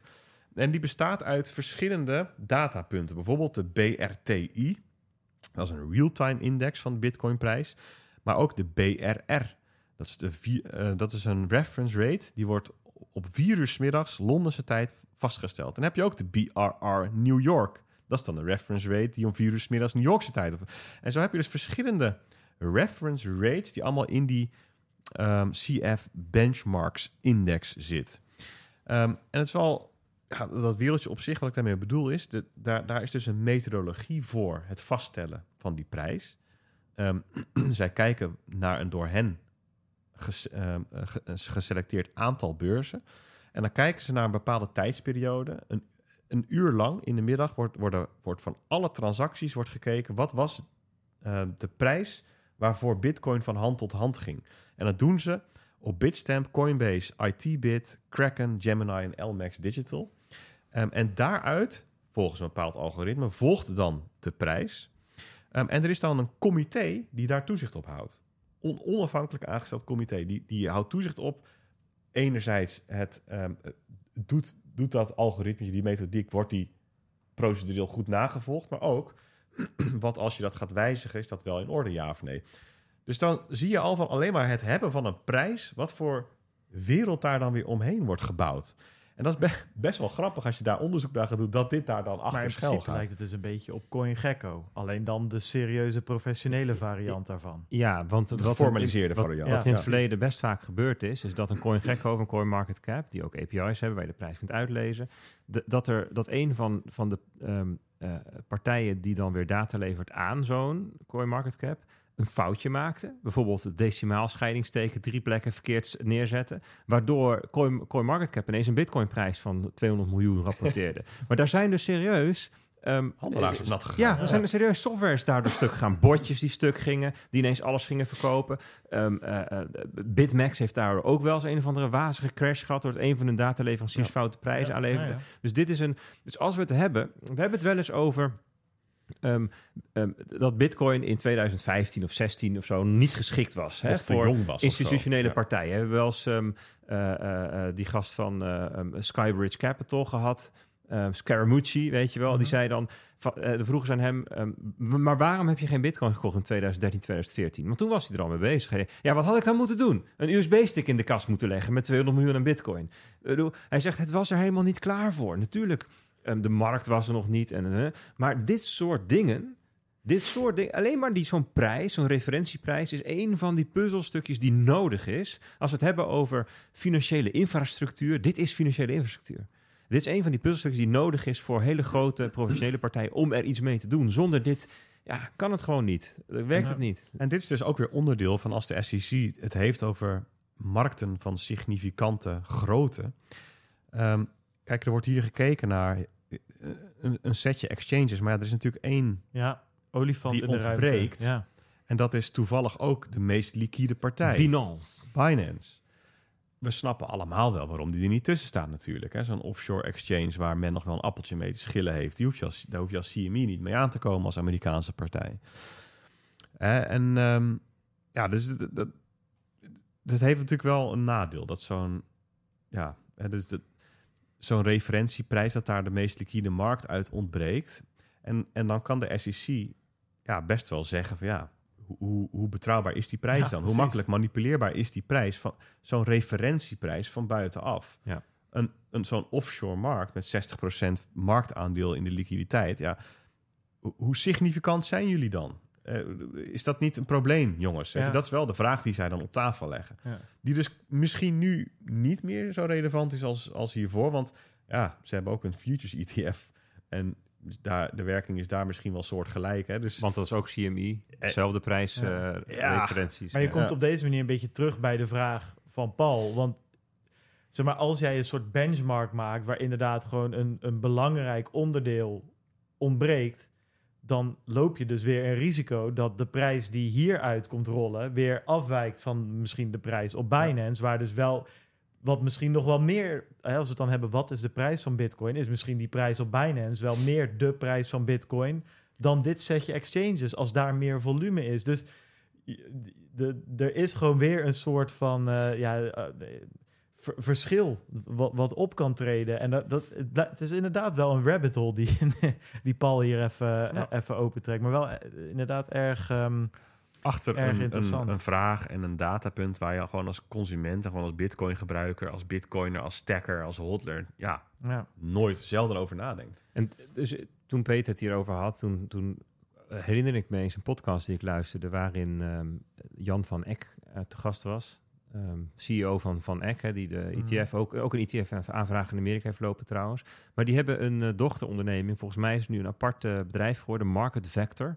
En die doen dus ook dit soort dingen. Dus die hebben bijvoorbeeld eh, ook een Bitcoin reference rate en of benchmark rate noemen zij. het. Dus ze hebben ook een Ethereum benchmark rate, die dus elke dag de Ethereum prijs zo'n comité vastlegt. En toen kwam ik dus zij hebben dus ook een Ethereum total return rate. Dat is ook een benchmark rate waarbij ze ehm, nou, nee, laat ik e- eerst een ander stapje doen. Ze hebben ook een Ethereum ehm, staking benchmark rate. Hè? Dus dat, bedoel, want wat is de staking rate van Ether? Ja, dat verschilt. Waar heb je het? Bij Coinbase of bij Lido? Of heb je zelf een validator? Nou, dat is Staking rate is je rendement? Of, ja, eh, rendement, dus ja, rendement ja, als je ja, in proof of stake je, Mhm. je, je, je ethers steekt. Nou, en, en, en ze hebben dus ook een Ethereum total return rate. En dat is dan ehm, de koers van Ether vanaf, als je vanaf een bepaald moment was gaan steken. Dus dat is een soort index. Dus dat is eigenlijk weer nodig voor als je een ETF zou maken... waarin je de, waarin je de spot Ether stopt en die dan gaat steken. Want dan heb je dus ook een koers nodig, weet je wel. Die, die, die ETF, die heeft, dus, die heeft dus niet alleen maar... die profiteert Ja. niet alleen maar van de koersstijging van Ether... maar dus ook nog van het rendement wat de Ether maakt als proof of stake. En dus dat zijn hele interessante dingen waarvan ik denk... oké, ja, dus dit, dit, dit soort slagen worden Klopt. er gemaakt... en dit soort producten gaan er gewoon En dan komen. kan je nog een stap verder denken. We hebben, we hebben het wel eens over, joh, Ether heeft die goed gedaan ten opzichte van Bitcoin. Maar eigenlijk moet je dus kijken naar die reference rate van, van Eck. Ja. En want je wil eigenlijk weten, hoe goed heeft Ether het gedaan ten opzichte van Bitcoin met mijn staking rewards in kluis. Ja. En want die moet je er wel bij optellen natuurlijk. En als het ja, 5, 6, ja, 7 ja, procent per ja. jaar is. Hè, kijk, in een bearmarkt is het laag, want dan heb je alleen maar, ehm, eh, zeg maar wat er aan staking rewards wordt uitgekeerd. In boelmarkt gaat hij natuurlijk omhoog, omdat je dan ook ehm, de MEV he- hebt die Ja. dan gevangen Ja. wordt. En dus dan zou het maar zo kunnen zijn dat, dat stel dat Ether het dan 5% slechter doet dan Bitcoin, maar 8% return heeft op zijn proof of stake, dat je Ja, het eigenlijk nog beter doet. Ja. Maar dan moet je het wel steken. Dat is natuurlijk weer... ja, maar dat gaat de ETF voor je doen. Ja, oké. Nee, nee, precies. Wel, ja. dat, eh, maar dan is de vraag van, is, is die staking rate dan weer anders dan de staking rate dat als ik zelf 32 ETH in mijn, in mijn, node, in mijn validator zou stoppen? Interessant, inderdaad. Ehm, dan denk ik, jongens, eh, dat we echt gewoon de weg helemaal vrij hebben gemaakt, Bert. Zodat jij nu gewoon, ja, ja weet je, er wordt hier een motor gestart. Eh, ik, Ja. hoor, ik hoor hem ronken, de V12. Bert die stapt in en we gaan met Nou. piepende banden gaan we die markt updaten. En dan moeten jullie niet eh, schrikken. Ik sta even op, want ik ga even naar het toilet. Oké, nou dan gaan wij alvast. eh, ja, het is, we zitten ook wel eventjes, Peet. Weet je, het is niet erg, jongen. Je wordt een dagje ouder, dan eh, kan je het allemaal niet meer Ja. zo lang We ophouden. zullen volgende keer een emmetje naast je zetten. Een potje. Ja, een potje. en met een dekseltje, hoor, anders gaat hij zo stikken. Of een luiertje of zo. Je ja. weet het ook niet. Ja, we moeten eens even kijken. Bert, zullen we eens eventjes gaan kijken naar de markt? Ik, ik, ik ben verrast, toch wel, door wat er gisteren gebeurde met de Bitcoin-prijs. Wij zagen best wel een flinke daling opeens. Hè. We zaten de hele tijd een beetje rond de z- 37.000, zijn een keer tegen de 38.000 aangehikt. Nou, dat bleven we een weekje een beetje zitten, een paar dagen. En gisteren daalde het toch in één keer. Nou, volgens mij zijn we zelfs eventjes onder de 35.000 dollar terechtgekomen. En ik dacht van, nou, misschien is het wel eventjes dat we even, even gaan afkoelen met z'n allen. Even een weekje. Even die bullishness, dat even de, de, de, de kop in wordt gedrukt. En tot mijn grote verbazing zijn we binnen, nou wat is het, 12, 18 uur van die, van die ze- 34.500 eh eigenlijk bijna weer naar die 38 gegaan. Ja, dus het is precies gebeurd wat jij zei. Even afkoelen. Ja, nee, Maar ja, jij, maar dacht dit- misschien dat het een lange periode van nou, afkoelen. dit was een soort van. Ik denk, we gaan eventjes eh, gewoon eh, even gewoon een winter, even, even, even kou voelen. En dit was meer Wim Hof. Even het ijsbad in en er Ja. weer uit, weet je Ja. wel. Eh, de sauna terug in. Ja, met, ja precies. Stoelverwarming aan en dat. Nou ja, eh, dit is, ja dit, die, die prijsactie tot nu toe is wel heel ehm, Zegt dit verrassend. Of Nou ja, het, dit, dit, is, dit, dit, dit noem je gewoon kracht. Een Ja. kra- krachtig, kracht in de markt, hè, krachtige koersen, krachtige handel. Ehm, ehm, normaal had je verwacht, zeker na zo'n periode van zeven maanden zijwaarts, dat als je dan uitbreekt boven de 32.000 dollar, hè, wat eh, echt door iedereen wel gezien wordt als een ja, markante grens, hè, dat je dat dan gaat testen. ja. En dat de markt dat gaat testen. Dat de marktparticipanten met elkaar... Hè, je wordt ochtends wakker en denkt... hé, hey, de koers boven 20. Dat je mar- marktparticipanten met elkaar ehm, willen weten... is dit bestendig? En dat, dat, dat is, daar zitten natuurlijk alle individuele beslissingen onder... van mensen zeggen van boven 32k had ik besloten te verkopen... of Mhm. ik short hem of whatever. Hè. En dan, dan test je zo'n niveau en dan zak je daar doorheen of niet. En dat hebben we ook namelijk aan de onderkant twee keer gezien. Bij de 25.000 dollar. Twee keer zijn we daar eh, een stukje onder geweest. Hè. Die grens ligt 25.300. Die grens is misschien in de afgelopen Een anderhalf eh, jaar wel, 10, wel, wel 15 keer aangeraakt. Van onder en van boven is dat, heeft de koers heel st- st- sterk, heftig geïnteracteerd met, die, met dit horizontale niveau. Iedereen In, in augustus en september was dat een beetje? Ja, als, ik, als ik Nou, deze twee... Dit is eh 25.000. Ja, en het was daar, daar ook. Dus Daar was ook nog een volgens mij in juni ja, en, eh, en september of zo. En dan kwam die ene was eh, v- 24.900, ander was 24.750. Dat zit echt een paar honderd dollar eronder. Maar dat bleef nooit langer dan een paar uur eronder. Daarna Nee. zag je eigenlijk dat de markt met elkaar besloot... nee, dit is niet de juiste prijs. Ja. Hè? En de- hoe dat dan werkt is dat er dus mensen zijn die zeggen... nou, voor deze prijs koop ik wel. Paf, Ja. en je zit weer boven. En dan heb je een short squeeze van mensen die dachten... ah, we zijn er onder de shorten, weet je wel. Nou goed, dat is de dynamiek op de markt. Twee keer eronder en ehm, afgewezen. Nee, we gaan er niet onder. Nu één keer erboven, boven 20.000. En dan verwacht je, we gaan eerst nog ehm, eh, dat testen. Hè? en alleen het is niet gebeurd. En dan gaan we, naar, gaan we een stukje omhoog. En dan, dan denk je van, nou, nu komt er wel een moment, even, even rust, even wat naar beneden. gebeurt ook niet. En dan op een of andere manier is negatief nieuws. En dan crasht de koers, crash dus aanstekens Ja, de koers 5%. En een paar uur later zijn we weer waar we waren. waar we en hoger. dus, nog eh, dat noem je ja. dan V-style recovery. V als in de letter V. Hè? Dus het gaat snel naar beneden, ook heel snel weer omhoog. Eh, dus geen BART hebben we helemaal niet Ja, gezien. die heeft een platkop. Die heeft een platkop aan de onder- of de bovenkant hè, in beide gevallen. Ehm, ja, dit, dit is... Hoe noem je dan zo'n eh, zo'n correctie als bij Ripple, eh, bij die ETF? Dat ging omhoog en naar beneden. Is dat een, is dat een eh, N? Dat is ook een soort Ja, inverse V. Een inverse V. Het is, het is is niet echt recovery. nee, maar dat, kijk, dat, dat is natuurlijk typisch een, een pump-and-dump-achtige... eh, eh, eh, eh, Ja, maar dat kan, ja. een, dat kan een V natuurlijk ook zijn. Ja, dus, Jawel, ja, zeker. Dus het kan ook met, met fake news of met... ja. Ja, zo'n V zie je vaak als er... ehm, als de prijs even ergens doorheen geduwd wordt en je krijgt wat short liqui- of long liquidaties en dat soort dingen. En dan precies. daarna dan... eh, ja, dus je, kun- je kunt het ook nog een half uur hebben over de econometrie hierachter. is best wel leuk. Het gaat over... eh, eh, Ik denk niet dat het mag van Ex- Bart ex- exponentieel verval en zo. Maar goed, gaan we dat, misschien doen we dat een andere keer nog wel. Maar eh, dus ja, dus, dus ja, antwoord op jouw vraag. Ja, dit is een teken van kracht en dat is opvallend. Dat is opvallend, omdat we natuurlijk helemaal nog geen ETF-goedkeuring hebben. Of eh, er is ook nog geen sprake van eh, eh, een grootschalige instroom van nieuwe beleggers. Hè. We zien bijvoorbeeld op Google Trends Bitcoin nog helemaal niet uitkomen boven dat lage niveau. Nee. We zien nog eh, ehm, de activiteit on-chain nog niet eens, niet echt. Ik bedoel, het aantal nieuwe entiteiten of zo. Of, bedoel, eh, het is ietsjes verhoogd, maar het is ook weer niet, nog lang niet in de buurt van de niveaus waar het eind 2020 opkwam toen de, toen de vorige boelmarkt begon. En we zien aan alle ehm, eh, indicatoren die wat zeggen over eh, het enthousiasme van nieuwe beleggers, daar zien we nog, nou ja, silence, gewoon flatline. Hè, dus wat veroorzaakt dit dan?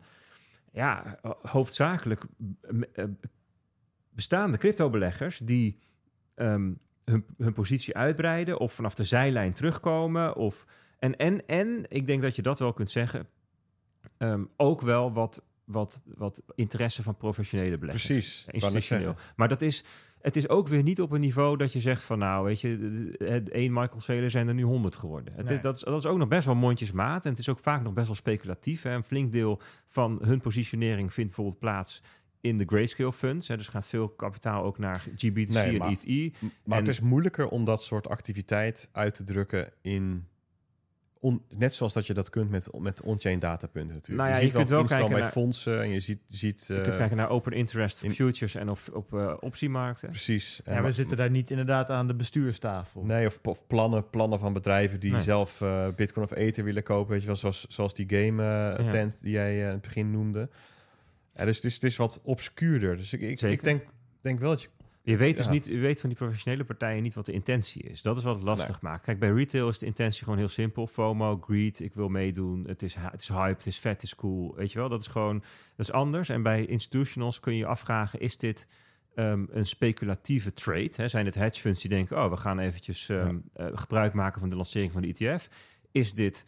Of zijn het bedrijven die het in een treasury gaan doen? Ja. Of zijn het, eh, weet je wel, dat zijn Laat ik het zo zeggen. Als, als de interesse deze boelmarkt uitsluitend van dat soort partijen komt... dan krijg je een heel ander soort boelmarkt dan we tot nu toe hebben gehad. Dan ga je Ja. het niet terugzien in de, Nee, in de zoekopdrachten. Van, Kijk, er zijn best wel veel dingen waar ik altijd heel conservatief en voorzichtig in ben. Maar één ding durf ik wel gewoon keihard te maken. Als de koersen weer boven de 60.000 dollar komen, dan gaat retail, hè, dus particuliere beleggers, gaan stuiten. massaal, ja, als een kudde lemmings, allemaal crypto weer in. Ja, Daar is Nee, verder, ja, dat, dat- dat- ik denk dat daar ook weinig discussie over is.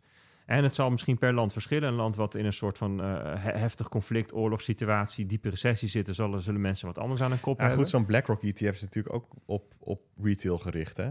Maar eh, Mm, ja, oh, oh, aan de andere kant, hè, bedoel, daar, daar kun je ook wat over zeggen. Ik bedoel, als daar de instroom hoog is, dan weet je ook hoe, hoe laat het is natuurlijk. Precies. Maar goed, dus, eh, d- ja, goed laten, we daar, laten we daar straks even over hebben. Want ik wilde eigenlijk beginnen bij ehm, de CPI-cijfers. Oh, en ja. de PPI-cijfers die, de- die eh, deze week bekendgemaakt zijn. Bekend geworden zijn in de Verenigde Staten. Ja. Inflatiecijfers. En ehm, dat was wel eh, interessant. Ehm, want die waren, ja, moet je dan zeggen, beter dan verwacht. Ja? Lager dan verwacht. ja, ja. Ja, beter dan verwacht als je hoopt op een lagere inflatie. Ehm, ja, meestal is een hoger cijfer beter, hè? op school wel. In ieder geval. maar hier is een lager cijfer beter. Ja. Dus de CPI, de maand op maand CPI was 0,0% En eh, bij core inflation 0,2% Dus dat is van ehm, september naar oktober toe.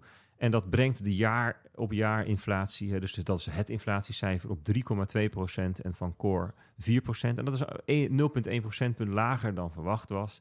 Dus ehm, het, was, het is aan het dalen en het is daalt sneller dan verwacht. En als je dan nog gaat kijken naar waar, waar het uit is opgebouwd, dan zitten daar verder ook geen nare verrassingen in en zo, weet je wel. Dus ehm, Dus Bitcoin schoot omhoog. mm, nee. Maar zou dat moeten dan? nou, dat zou, Zou jij dat verwachten? Ja, eigenlijk wel. We, we hebben best wel lang hebben het met elkaar gehad over uh, de, de, de rente stijgt en de, de, um, uh, dat komt door de hoge inflatie. De omstandigheden op de, op de geldmarkt worden krapper. Um, en mensen die vluchten naar, uh, naar, naar meer risicoloze investeringen, T-bills, weet je wel, of cash, optionaliteit. En um, ja, weet je wanneer dat weer gaat veranderen?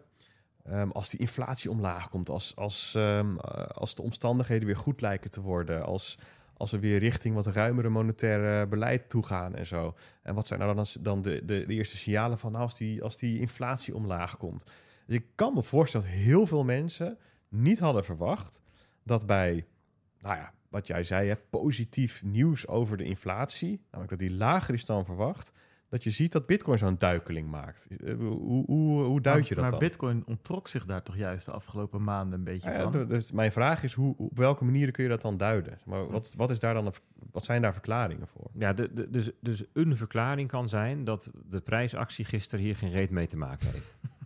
Ja. En, dat, en, een, en een, signaal dat dat het geval is, is omdat we gisteren in één dikke candle die complete daling Die in één keer goed hoor. gemaakt Zo.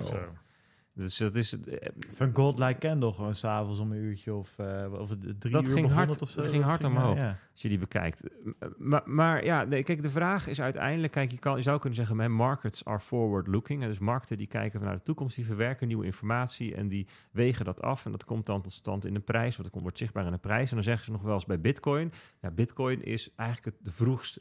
Die, is, die is extreem vroeg in het verwerken van informatie, is eff- extreem gevoelig voor bepaald soort eh, eh, eh, ontwikkelingen. Ze noemen een soort kanarie in de kolenmijnachtige functie kan het wel eens hebben. Dus je ziet ook wel, Waarom dan? er zijn ook wel eens papers over geschreven van dat, dat, dat als je kijkt bijvoorbeeld naar bo- het bodemen en toppen, hè, ten op, als, in periodes dat er bepaalde correlaties zijn, dat bitcoin al een paar dagen eerder is dan, dan bijvoorbeeld een Nasdaq of dan goud. En weet zo. je ook hoe, hoe, dat, hoe dat zit? Want ik ja, kan dat me zo voorstellen dat als er in- marktinformatie is om te verwerken, dat, die, dat alle marktparticipanten dat door laten werken in een... Ja, de, de, de hypothese daarover is bijvoorbeeld dat Bitcoin extreem gevoelig is voor liquidity. Hè? Dus voor, ehm, het, zeg maar, de, de, de, de, ja, dat wordt wel eens uitgedrukt in de, de geldhoeveelheid bijvoorbeeld. M- Maar je kan liquidity ook interpreteren als het, eh, de, ruimte, de ruimte op balansen om risico te nemen. Dat, en dat, ja, dat je dat, dat daar dus als allereerste ziet. Hè? En Bitcoin is natuurlijk ook 24-7 te, te, te, verhandelen. Ehm, misschien omdat de partijen, dat er nu vooral marktparticipanten bij betrokken zijn die snel kunnen schakelen, zoals hedge funds. Die hebben natuurlijk wat Mhm. minder eh, traag proces dan eh, hele grote partijen die bijvoorbeeld wekelijks herbalanceren, zal ik maar zeggen. Eh, dus het, ja, dat weet ik ook niet precies. Ja, dat zit. uitslagen in risicobereidheid sterker doorwerken in bitcoin en crypto in het algemeen is de high-risk assets. En pas later of minder heftig op andere fronten. Op zich goed. Ja. Precies. Wat, wat er dus nu gebeurt, hè, van, ehm, kijk, we, we- hadden al eigenlijk min of meer met elkaar verwacht dat de rentestijgingen van de Fed dat die achter de rug waren. Dat we nu op het, op het, het, het Gepauzeerd. ik ja, gepauzeerd op het horizontale stuk, zeg maar, als je hem als lijntje voor je ziet. Ehm, en dan is de vraag, wanneer gaat de rente weer een keer dalen? Gaat dat gebeuren? Hè? Dan zegt Jerome Powell, nee, mijn strategie is higher for longer. Was higher for longer, nu is het gewoon high for longer. Het is nu Ja. op een bepaald punt aangekomen, dat houden we heel lang vast. We gaan het helemaal nog niet hebben over rentedalingen. dat gaan we pas doen als de inflatie helemaal 100% terug is waar we hem willen hebben. Terug in zijn hok.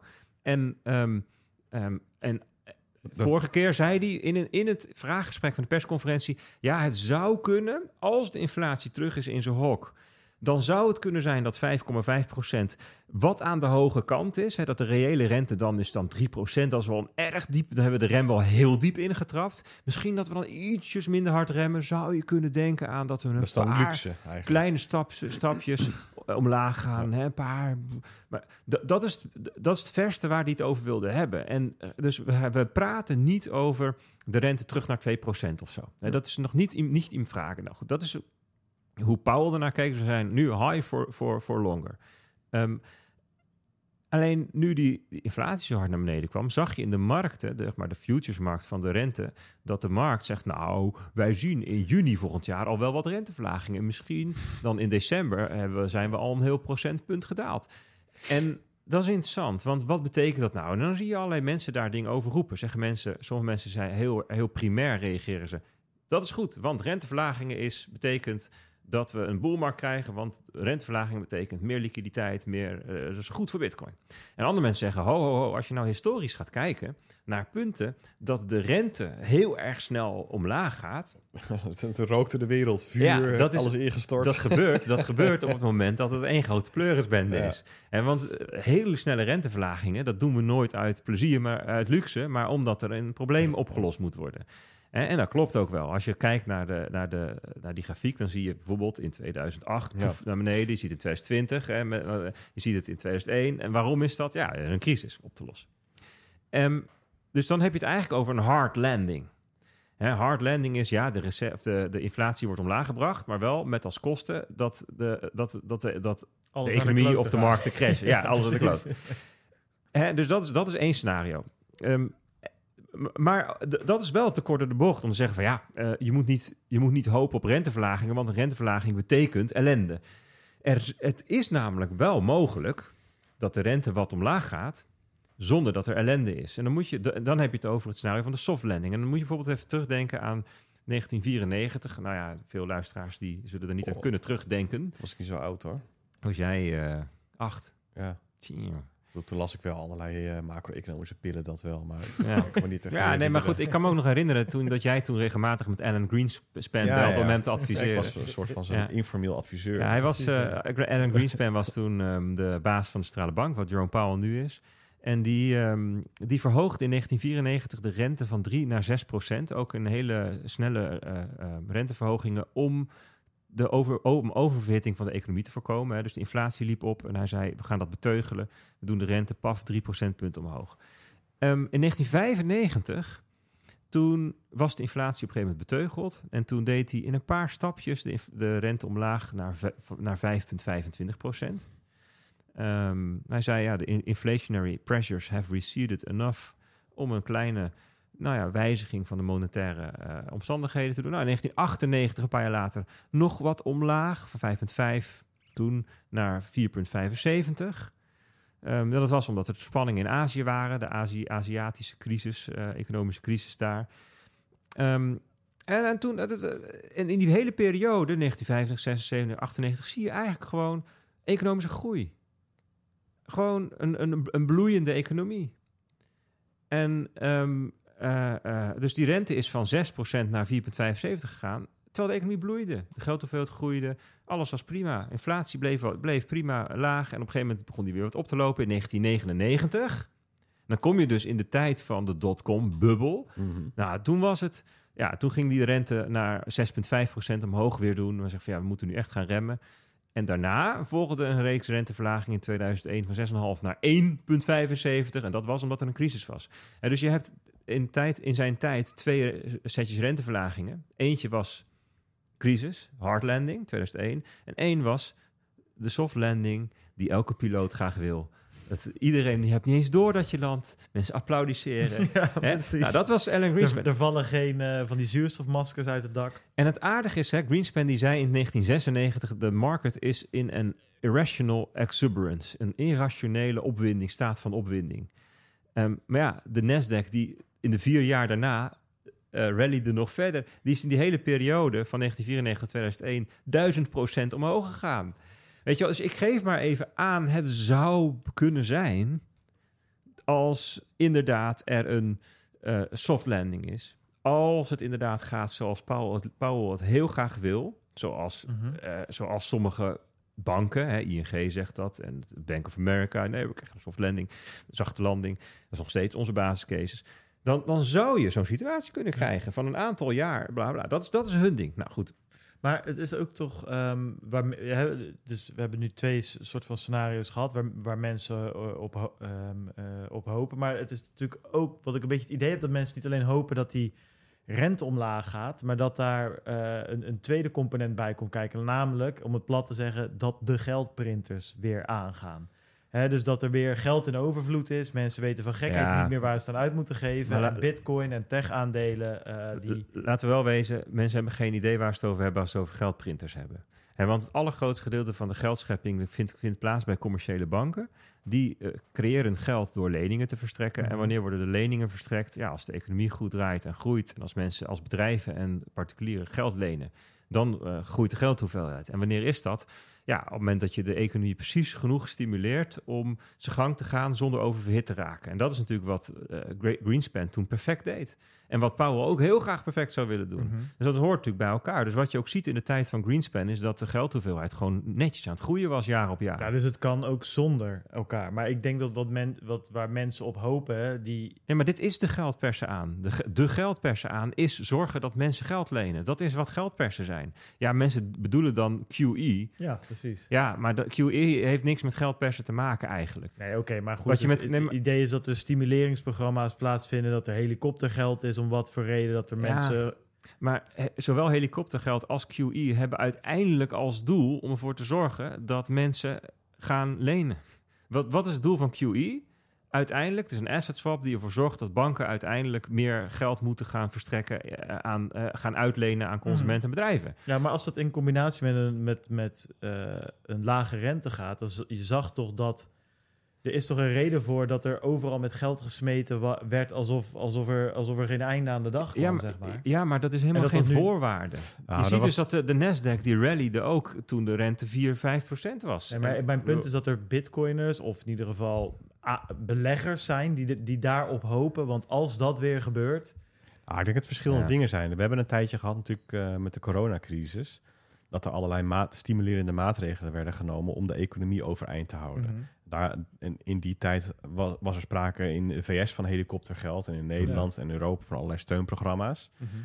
Ehm, en ik denk niet, ik hoop niet... ehm, en ik hoop ook niet dat mensen dat verwachten... dat dat specifiek opnieuw gebeurt.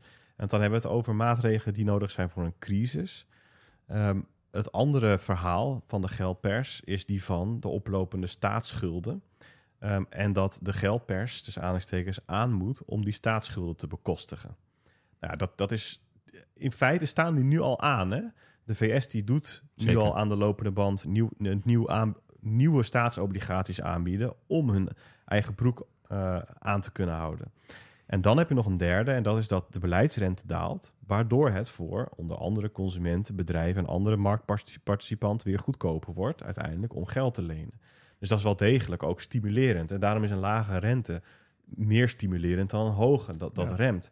En nu is de, nu is, ja, ik, ik vind altijd dat voorbeeld, ik weet niet of jij altijd dat voorbeeld gaf, maar die is mij wel bijgebleven van, ehm, van het, het gaspedaal, het rempedaal en een auto die op de snelweg rijdt. En, en 100 is, is, is, de, is, de, neut- is de neutrale snelheid. En je komt er op een gegeven moment achter, je rijdt s'nachts, shit, je rijdt 160.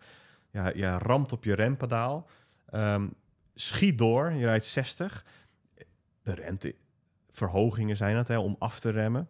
En dan rij je langzamer dan neutraal. Weet je wel, van oké, is goed, ik ben nu goed genoeg afge... Ik zie dat ik goed genoeg afgerend ben. Sterker nog, ik ga nu te langzaam. Als ik nu blijf remmen, dan kom ik tot stilstand. Dat is ook niet de bedoeling. Ik moet weer wat, wat bijgassen om op de 100 te komen. Eh, en dan geef ik net zoveel gas dat we daar blijven. Dat is eigenlijk ook het spel wat de centrale bank probeert te spelen. Ja. Waarbij, Waarbij het dus de vraag is wat dan neutraal is. wat hè? dan neutraal is. En dat je dus best kunt gassen, hè, de rente kunt verlagen eigenlijk, zonder dat je aan het stimuleren bent. Want misschien heb je wel te hard geremd. Precies. En kom je gewoon terug richting neutraal. Maar, maar je moet je voorstellen dat in de tijd dat de rente 0 of een half of 1 procent was, dan zaten we ook rond neutraal, omdat de inflatie toen namelijk 0 procent was. Dus Ja. dus, dus de, de absolute hoogte van de rente is veel minder belangrijk dan de, de afstand tussen de rente en de inflatie. Sure, maar, mijn, Dat, dat is waar het uiteindelijk om gaat in markten. maar mijn, mijn punt is dat er naast het draaien aan de renteknop...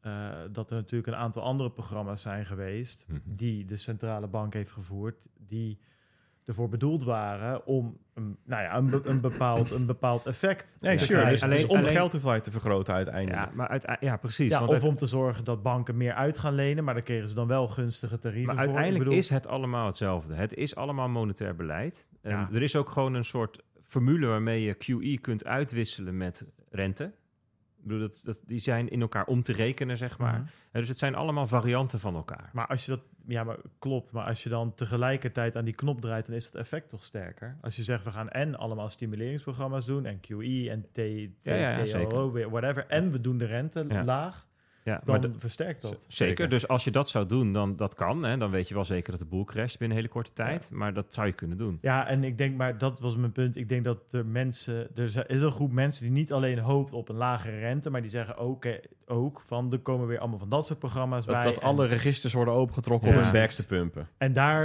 en Ja. daar eh, nee, maar we hebben toch wel. Je ziet toch gewoon nu dat er gewoon minder geld is bij VC's. En dat heeft toch onder andere te maken met het beleid van de centrale bank. Het is toch niet.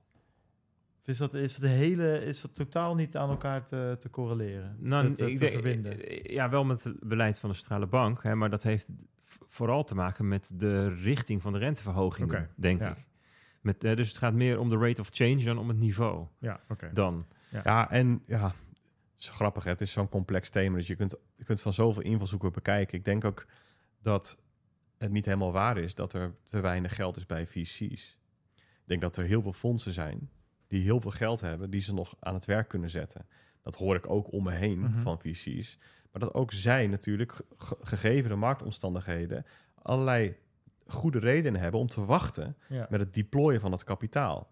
Want dat kan op een bepaald moment veel effectiever worden ingezet, namelijk als er, een, als er partijen doodgebloed zijn of bepaalde kansen optreden, gewoon vanwege het restrictieve monetaire beleid. Mhm.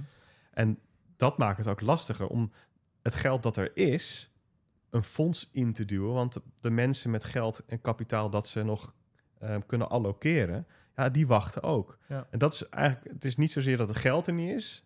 Het is meer dat de strategieën van de mensen met geld veranderen zodra dat monetair beleid aangepast Ja. wordt. Ja, Want al dat, al dat geïnjecteerde geld, hè, ja, met uitzondering van wat er dan weer teruggekocht wordt, er is gewoon nog, een, nog heel veel van aanwezig. Nou, het meeste, dat is wel aardig dat je het zegt. De me- het meeste is nu, eh, de, zeg maar, de spaaroverschotten zijn weg inmiddels. In oktober waren die op. En je ziet ook bijvoorbeeld de reverse re- eh, repos. Die zaten stonden op Ja. 2, eh 2,5 biljoen of zo. Dat zit nu ruim onder de 1 biljoen. Dus dat is, eh, op een gegeven moment is alle... eh alle Is het vet weer Oh, weg. ja, is weer weg. Hè? Dus dat, dat, dat gaat er ook aankomen. Maar ik ben op, op ongeveer 10% van de markt Ja, ja, ja, dus, sorry. Excusez moi. Maar eh, even, even op te we hebben, we hebben het net gehad over hoe zou een soft landing eruit kunnen zien. Mhm. Dat is een soort sprookjesscenario wat iedereen heel graag wil. Het is maar de vraag of dat gaat gebeuren. Wat zie- kijk je? op Ah, ik, oh, sorry, ja. Ik zat inderdaad even naar de tijd te kijken, 10%. Mike staat buiten te wachten op ons. ik, ik zei net, ja, ik denk dat we een ETA van een kwartier hebben. Nou, Mike, Ja, je kan de deur borst- even open doen, dan, eh, dan kan die op dan kan die op het Oh, dan bankje kan die hier komen zitten. Ja, ja, ja. Dan kan Of hij- op het kan hij lekker meeluisteren. Ja. Ja, dan Maar goed, wel goed om te weten. We zijn nu een uurtje en drie kwartier bezig. Ja, Dus eh, ja, ik, ik, eh, ik ga wel even naar buiten. Kan ik er ook niet doorheen praten. precies. Ja, Ik maar dan kan je met ook niet reageren. Maar goed, Oké, goed. Ik, ik ga Mike even halen. dan, Ja, ja, ja. Ja, echt? Ja, ja. Oké. Ja, Dan- ja, ik ben er toch nog bij. Het komt helemaal goed. Even, we kunnen Maaike niet buiten laten staan. Dat doen we. Ehm, ja, dus we hebben we, we- het, het, het sprookjesscenario, het idea, Mhm. het wensscenario zou zijn een soft landing. Ja. Maar ja, is dat reëel? Hè? Gaat dat gebeuren? Nou, la- laten we even zeggen, ehm, wanneer ga je erachter komen of het wel of niet een soft landing wordt? Dat is natuurlijk een interessante vraag. Eh, want misschien lijken de soft en de hard landing voorlopig nog gewoon op elkaar. En dat is wel een, een, een, een, een scenario wat ik veel zie langskomen. En ik, dat is ook mijn basisscenario. Dat of we nou een soft of een hard landing krijgen... of nog een derde vorm waar we het zo meteen even over moeten hebben. Ik denk dat de komende zes maanden, drie tot negen maanden... ehm, in beide gevallen er best wel prima uitziet. Want de inflatie is naar beneden aan het komen. De, de, eh, de, de, de rente stijgt niet meer, maar gaat ook nog niet dalen. Dus een relatieve stabiliteit. Ik zag eh Rishi Sunak in eh, de UK. Die zei van... eh, nou jongens, ik heb beloofd dat de inflatie door de helft zou gaan. Ja, Het is gelukt. ja oké. dus eh, dat- Mooi, hè? dat staat natuurlijk nergens op. In de zin van, eh, dat heeft, heeft er helemaal niks mee te maken. Met, met hem. Eh, en Ja. Biden zal het straks ook zeggen Precies, natuurlijk. Hè. ja. Maar, maar ehm, punt is dus, het zou maar zo eens kunnen dat de, drie, de komende drie tot negen maanden, de komende half jaar, in elk scenario vruchtbare bodem is voor financiële markten. Ja. V- Gewoon er goed eh, rugwind is. Hè. Mits hè, op de voorwaarde dat er niks kapot gaat. Hè. Wat bedoel ik met kapot gaan? Bankensector die in de problemen komt, acute problemen obligatiemarkt die in acute problemen komt. En dan moet je bijvoorbeeld denken, vorig jaar oktober eh, in Engeland Ja. gebeurde dat hè, met de pensioenfondsen. Ehm, de economie die in een acute recessie komt. Met acuut bedoel ik dat je maand op maand honderdduizenden ontslagen en werklozen erbij ziet komen. De faillissementen e- in, zeg maar niet plus twee, maar keer tien gaan Ja. eh, in, in, in, ineens. Ehm, eh, dat dat, dat, dat, dat eh, huizenmarkt in elkaar stort omdat mensen hun sleutel door de briefbus van de, van de bank komen stoppen. Weet je, dat, dat- die categorie. China die besluit Taiwan eh, af te pakken. Nou, dat, kan een, dat, kan, dat zou een trigger kunnen zijn, maar dat op zichzelf is helemaal niet een, eh, voor de Amerikaanse economie geen ramp. Hè, dat wo- wordt pas een ramp op het moment dat dat effect heeft op de economie. Ja, dus, ja. Ik denk dat het Nee, maar het gaat- effect het zou gaat- hebben. Oké, ja, die, die, die voorspelling kunnen we noteren. Maar dat, het punt is, dat dachten mensen ook over een oorlog tussen eh, ehm, Israël en Palestina. Dat het heel veel effect zou hebben. Maar dat blijft nog helemaal uit. hè. Ja, oké. ja, ja, nou, oké, Dus je hebt gelijk. we dat er- daar, kan een lek tussen zitten.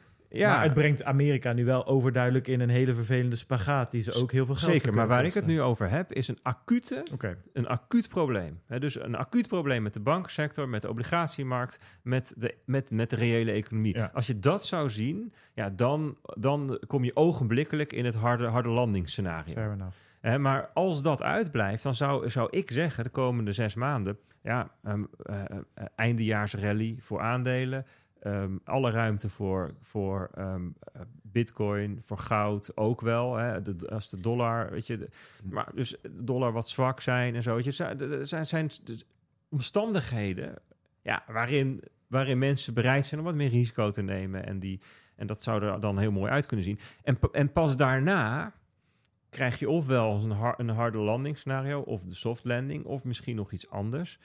Ehm, hè, en eh, dus, dus ehm, dan zijn de mensen zeggen, ja, maar Bert, kijk nou eens even naar deze en deze en deze indicatoren. Bijvoorbeeld ehm, leading indicators die laten zien dat de werkloosheid aan het oplopen is en verder gaat oplopen. En wat laten ze dan zien? Dat er nou 2 procentpunten aan werkloosheid bij komt. We zitten nu geloof ik op 3,9% in de VS.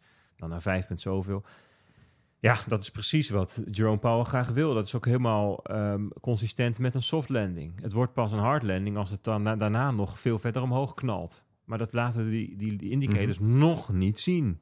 Zeggen mensen, ja, maar dat gaat wel gebeuren. Ja, oké, het zou kunnen. Ik bedoel, jij hebt een glazen bol blijkbaar, ik niet. Ik weet het niet. Ja, er zijn heel Nou, veel mensen die hebben de, de, de laatste twintig van de, van de laatste twee recessies voorspeld. Precies. PMI's, hè, dus zijn de inkoopmanagersindexen, die zeggen iets over ehm, ehm, helemaal aan de voorkant van de productieketen, hoe het daar gaat. Dat leek gebodemd, leek een beetje te stijgen en nu daalt het toch weer. Is dat dan één maand een uitschietertje naar beneden? Of hebben we inderdaad nu het begin van diepere bodems in de PMI en is dat het begin van een diepe recessie? Ja, ah, niemand weet het nog. Mensen, de een die legt het uit als, joh, dat is gewoon ruis om te gaan verder omhoog, want dat zeggen mijn leading indicators. En zeggen, nee, dit is eh, eh, het bodemen was een, een valse signaal. Eh, eh, dus we weten het gewoon niet. En zolang we dat niet weten, ja, eh, moeten we gewoon maar ehm, kijken. En het probleem is ook een beetje, waar denk ik heel veel mensen tegenaan lopen die dit soort dingen analyseren, is dat de situatie waar we nu in zitten ehm, onvergelijkbaar is. Unprecedented. Nou ja, on- nou ja nou, niet unprecedented, want er zijn wel momenten eh, geweest dat het zo was, bijvoorbeeld in de jaren 40. Alleen onvergelijkbaar met de laatste 40, 50 jaar. En dat is waar we naar kijken. Dat is wat de meeste mensen ofwel op school geleerd hebben of hebben meegemaakt. Eh, eh, ook de, zeg maar, de wat oudere ehm, eh, vermogensbeheerders, handelaars, economen, die kunnen zich nog dingen uit de jaren 70, 80, 90 herinneren, maar ook de zero's. Ehm, daar was de situatie anders. Want daar had je telkens recessies waarbij de inflatie laag was de afgelopen 20, 30 jaar. Zeg maar. Laten we even het meest recente pakken. Hè. Dus 2001, 2008 ehm, had je, of 2012, 13 in Europa had je de bankencrisis. De inflatie was super laag. Nu is de inflatie hoog. De rente was toen ook laag, kon helemaal makkelijk omlaag en dat is nu hoog. En, en, dan kijken we naar, oké, de, de, hoge, inflatie, hoge rente. Ehm, dan heb je het over één getal. En inf- inflatie van 5%, rente van 5%. Maar waar je ook naar moet kijken is de spreiding. Hoe ziet, hoe ziet dat er nou uit? Ehm, en we hebben het bijvoorbeeld over, ja, de rente is hoog en dat wordt een probleem als je moet herfinancieren. Ja, dan moet je dus gaan kijken naar wanneer moeten bepaalde sectoren herfinancieren. De ene sector of het ene land heeft dingen kort geleend en de andere lang. Dat maakt heel erg uit. En zeggen, oké, dan kijken we naar de Amerikaanse overheid. Die heeft een gemiddelde looptijd van zes jaar. Ja, En- 76 maanden of zo toch? Ja, heb je het weer over een gemiddelde. Want als het zes jaar gemiddeld is, dan is het wel belangrijk. Stel dat ze een- paar van 30 jaar hebben en een hele hoop van twee jaar, dan is het alsnog heel binnenkort een probleem, weet je wel. Dus het zijn. En dat, soort verhoudingen zijn heel erg veranderd in de afgelopen tien jaar. Waarom? Omdat je natuurlijk jaren van 0% rente had, waarin allerlei mensen eh, hun financiering hebben veranderd. Ehm, eh, se- sectoren worden anders geraakt. Sommige sectoren en bedrijven en personen zijn heel gevoelig voor de hoge rente, andere niet. Sommige bedrijven en personen hebben last van de hoge inflatie, andere, andere niet. Om een voorbeeld te geven, eh, hoge energieprijzen. Ja, als je in Nederland kijkt, er waren mensen die zeiden, ik heb nergens last van. Ik heb elektrische auto, ik heb zonnepanelen. En andere mensen zeiden, ja, ik goed ga, contract. ik ga failliet. Ja, dus ehm, het is in deze omstandigheden heel veel lastiger dan voorheen om in algemene termen te praten over de economie en de markt. En je gaat dus wellicht zien dat er hele grote verschillen gaan optreden tussen verschillende sectoren, tussen verschillende bedrijven, tussen verschillende landen. Ehm, dat, is, dat, is, dat, is, dat is één verschijnsel waar we mee te maken hebben, waardoor je niet zomaar parallellen kunt trekken tussen wat je toen in de grafiek zag en wat je nu ziet. Tweede is, in de VS zeker, in Europa een beetje, andere landen verschilt het een beetje, maar in de VS is, het, is er heel duidelijk, zijn er twee krachten werkzaam, namelijk monetair is het krap, de begrotingsbeleid is ruim. Want de overheid heeft enorme tekorten. En het tekort van de overheid is de inkomsten van de private sector, van de Hmm. markt, van huishoudens en bedrijven. Dus fiscal policy is heel ruim, is heel stimulerend. Monetary policy is heel krap, is remmend, is recessie veroorzakend. Wie van die twee krachten gaat er winnen? Kan je zeggen, dan kan je zeggen, ja, kunnen ze bij elkaar optellen. Plus 2, min 2 is 0. Zit, zit dan het, ehm, het bekostigen van de, van de staatsschuld in die fiscal policy? Ja, ja zeker. Ja, ja. Dus op het moment dat de staatsschuld eh, ehm, ehm, stijgt, ja, je bedoelt de begrotings... Wat bedoel Ja. je precies? De rentebetalingen over de staatsschuld. Ja. Ja. dus de rentebetalingen over de staatsschuld moeten ergens vandaan komen. Dus dat kan, je kan zeggen, jongens, we gaan meer belasting heffen, want we moeten rente betalen. Dat gebeurt niet natuurlijk. Zeker niet in het jaar voor de presidentsverkiezingen, maar überhaupt niet. Dus de k- tekorten lopen op. Ja, zoveel biljoen tekort. Mhm. Dat moet op een of andere manier gefinancierd worden. Wordt gefinancierd door obligaties uit te geven en enzovoort. En de betalingen van de rente daarover, die komen ergens terecht. Namelijk bij de houders van die obligaties. Als we die even plat slaan, hè Bert. eh, lijkt het dan een beetje op eh, de ene creditcard eh, afbetaling betalen met Ja, nieuwe? ja, ja, ja. maar dat, Ja. is ook, dat is normaal voor overheden. Ja. Dat is op zich ook helemaal niet geen ramp. En in het geval van Amerika is het zelfs wenselijk dat zij een tekort hebben. Omdat namelijk er wereldwijd heel veel be- ehm, behoefte is aan dollarliquiditeit. Als je dat niet zou doen, zou de wereld in de knel komen. Dat is een beetje de, de vloek en het juk van het hebben van de wereldreservemunt. Is dat je tekorten moet hebben. En waardoor je hele eh, productiesector naar de maan gaat. Weet je wel, allemaal nou goed, dat is een ander, Mhm. ander eh, verhaal. Maar mijn punt hiermee is... Je hebt monetair krapbeleid en eh, ruim begrotingsbeleid. En het verschilt weer per bedrijf, huishouden of sector... door wie van die twee je geraakt wordt. Er zijn partijen die hebben heel veel belang... die worden heel veel, hebben, heel veel, hebben heel veel aan die stimuleringen... en hebben niet zoveel last van de monetaire krapte. En er zijn partijen waar het omgekeerd is. Dus je krijgt hele grote verschillen. En daarom kun je niet zomaar meer kijken naar... oh, ik, vorige keer dat de autoverkopen dit deden... kwamen in een eh, recessie. Vorige keer dat we dat en dat Mhm. zagen. Het punt is, ja, de situatie is gewoon heel anders. En ehm, Lynn Alden die zegt... ja, misschien krijgen we geen zachte landing of geen harde landing. Misschien krijgen we wel een emerging market style recession. Het is dus niet een recessie waarin de, zoals we die vorige keren zagen, maar dat is een recessie waarbij de inflatie verhoogd blijft. Er nominaal best sprake is van economische groei, maar reëel niet. Waarin de werkloosheid wat verhoogd is, maar niet door het dak gaat. Beetje stagflatieachtig. Eh, Dat is een heel ander soort recessie dan wat we tot nu toe kennen. Hoe gaat dat eruit zien? Wat doen financiële markten in zo'n situatie? Ja, dan kun je niet zomaar kijken naar wat deed de Nasdaq en wat deed goud en wat deed... Nou, bitcoin kun je zo niet, kijken in 2001. Wat, de, wat deden die markten toen? Ja, want, want, want. Dan, moet je, dan zou je bijvoorbeeld kunnen kijken... wat gebeurde er in Brazilië of zo, weet je wel? Over Zuid-Afrika in zo'n soort situatie. En daar zie je heel andere dingen. Je ziet bijvoorbeeld ook, grappig genoeg... of, ah, ik weet niet of het grappig is... maar in Argentinië... dat de, dat, dat de aandelenmarkten het uitstekend doen. Sterker nog, met aandelen kun je daar de inflatie verslaan. Want het zijn gewoon bedrijven die spullen maken in de reële economie die mensen nodig hebben. En dus het zou best eens kunnen zijn dat in zo'n zo'n soort recessie, dat er dat, er, dat dingen ehm, ehm, er anders uit gaan zien. Dus stel dat je bijvoorbeeld eh, eh, verhoogde inflatie hebt door een recessie heen, dan wat je dan zou kunnen hebben, is dat werkgevers of dat bedrijven wel de prijzen verhogen, maar niet de lonen, waardoor ze wel winstgevend kunnen blijven. Ehm, en dat, het, dat, dat, de prij- dat de pijn op die manier een beetje verdeeld wordt. Dat is natuurlijk heel anders dan als de inflatie 0% is. Ja, dan. Je kunt ook, weet je wel, dan, dan, zit je zo'n soort van klem. Dus, nou ja, dus dat vind ik een interessante ehm, om ons te realiseren. Oké, als stel dat dat zou gebeuren, het Lin Elden scenario. Wat betekent dat dan voor financiële markten? En dan zou het maar zo kunnen zijn, bijvoorbeeld commodities het heel goed doen, hè, goud, en, maar ook allerlei andere eh, grondstoffen. Dat ehm, ehm, eh, energie het goed doet. Dus energieproductie over de termijn van de komende drie, vier, vijf jaar. Ehm, dat eh, aandelen het uiteindelijk best prima doen. En bitcoin ook, hè, want die zit een beetje in diezelfde hoek. Goud het goed doet. Ehm, dus dat je, dat je een ander soort eh, marktbewegingen in door zo'n recessie heen eh, eh, ziet. En ehm, ik- dit, dit, dit, dit is, bedoel, je had het net over complexe systemen. Dit is een, er zijn natuurlijk ontzettend veel bewegende delen, dus je kunt nooit precies zeggen, zo gaat dat er dan uitzien. Maar misschien is mijn hoofdpunt wel dat je niet zomaar in deze tijd grafiekjes van het verleden kunt pakken en zeggen: kijk, hier gebeurde dat, dus dat gaat nu ook gebeuren. Weet je wel? Ehm, dat geldt ook voor de Fed. Dus de Fed kan zeggen: ja, we doen hetzelfde als Greenspan, dus wij krijgen ook een, soft landing. Nee, dat is geleuter, want in de tijd van Greenspan was de staatsschuld 50% of zo van, het, eh, van, de, van de omvang van de economie en nu is die 130. Dus je kunt niet hetzelfde doen als Greenspan met dezelfde uitkomst. Je krijgt gewoon een andere uitkomst. Dus die soft landing, ja, eh, ik zie de kans niet zo heel groot dat ze dat gaat lukken. Maar goed, wie weet. Hè? Maar ehm, eh, eh, dat is denk ik het belangrijkste punt om ons te Ik zou realiseren. nog wel een keertje met je willen hebben over een scenario dat hier nog naast staat. Ehm, en dat is ja, toch wel de muur waar de trein al dan niet onherroepelijk tegenaan gaat botsen.